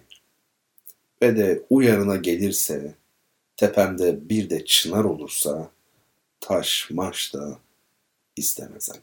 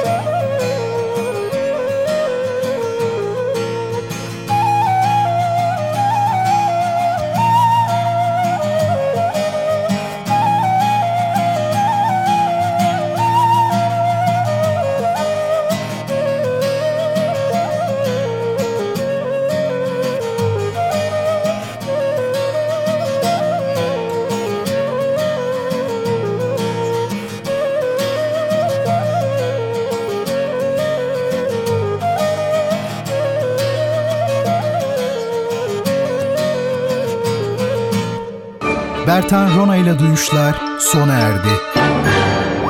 Bu program hakkındaki düşüncelerinizi dinleyen et radyogercek.com adresine mail atarak bize ulaştırabilirsiniz. Dinlemiş olduğunuz programda ürün yerleştirme yapılmıştır.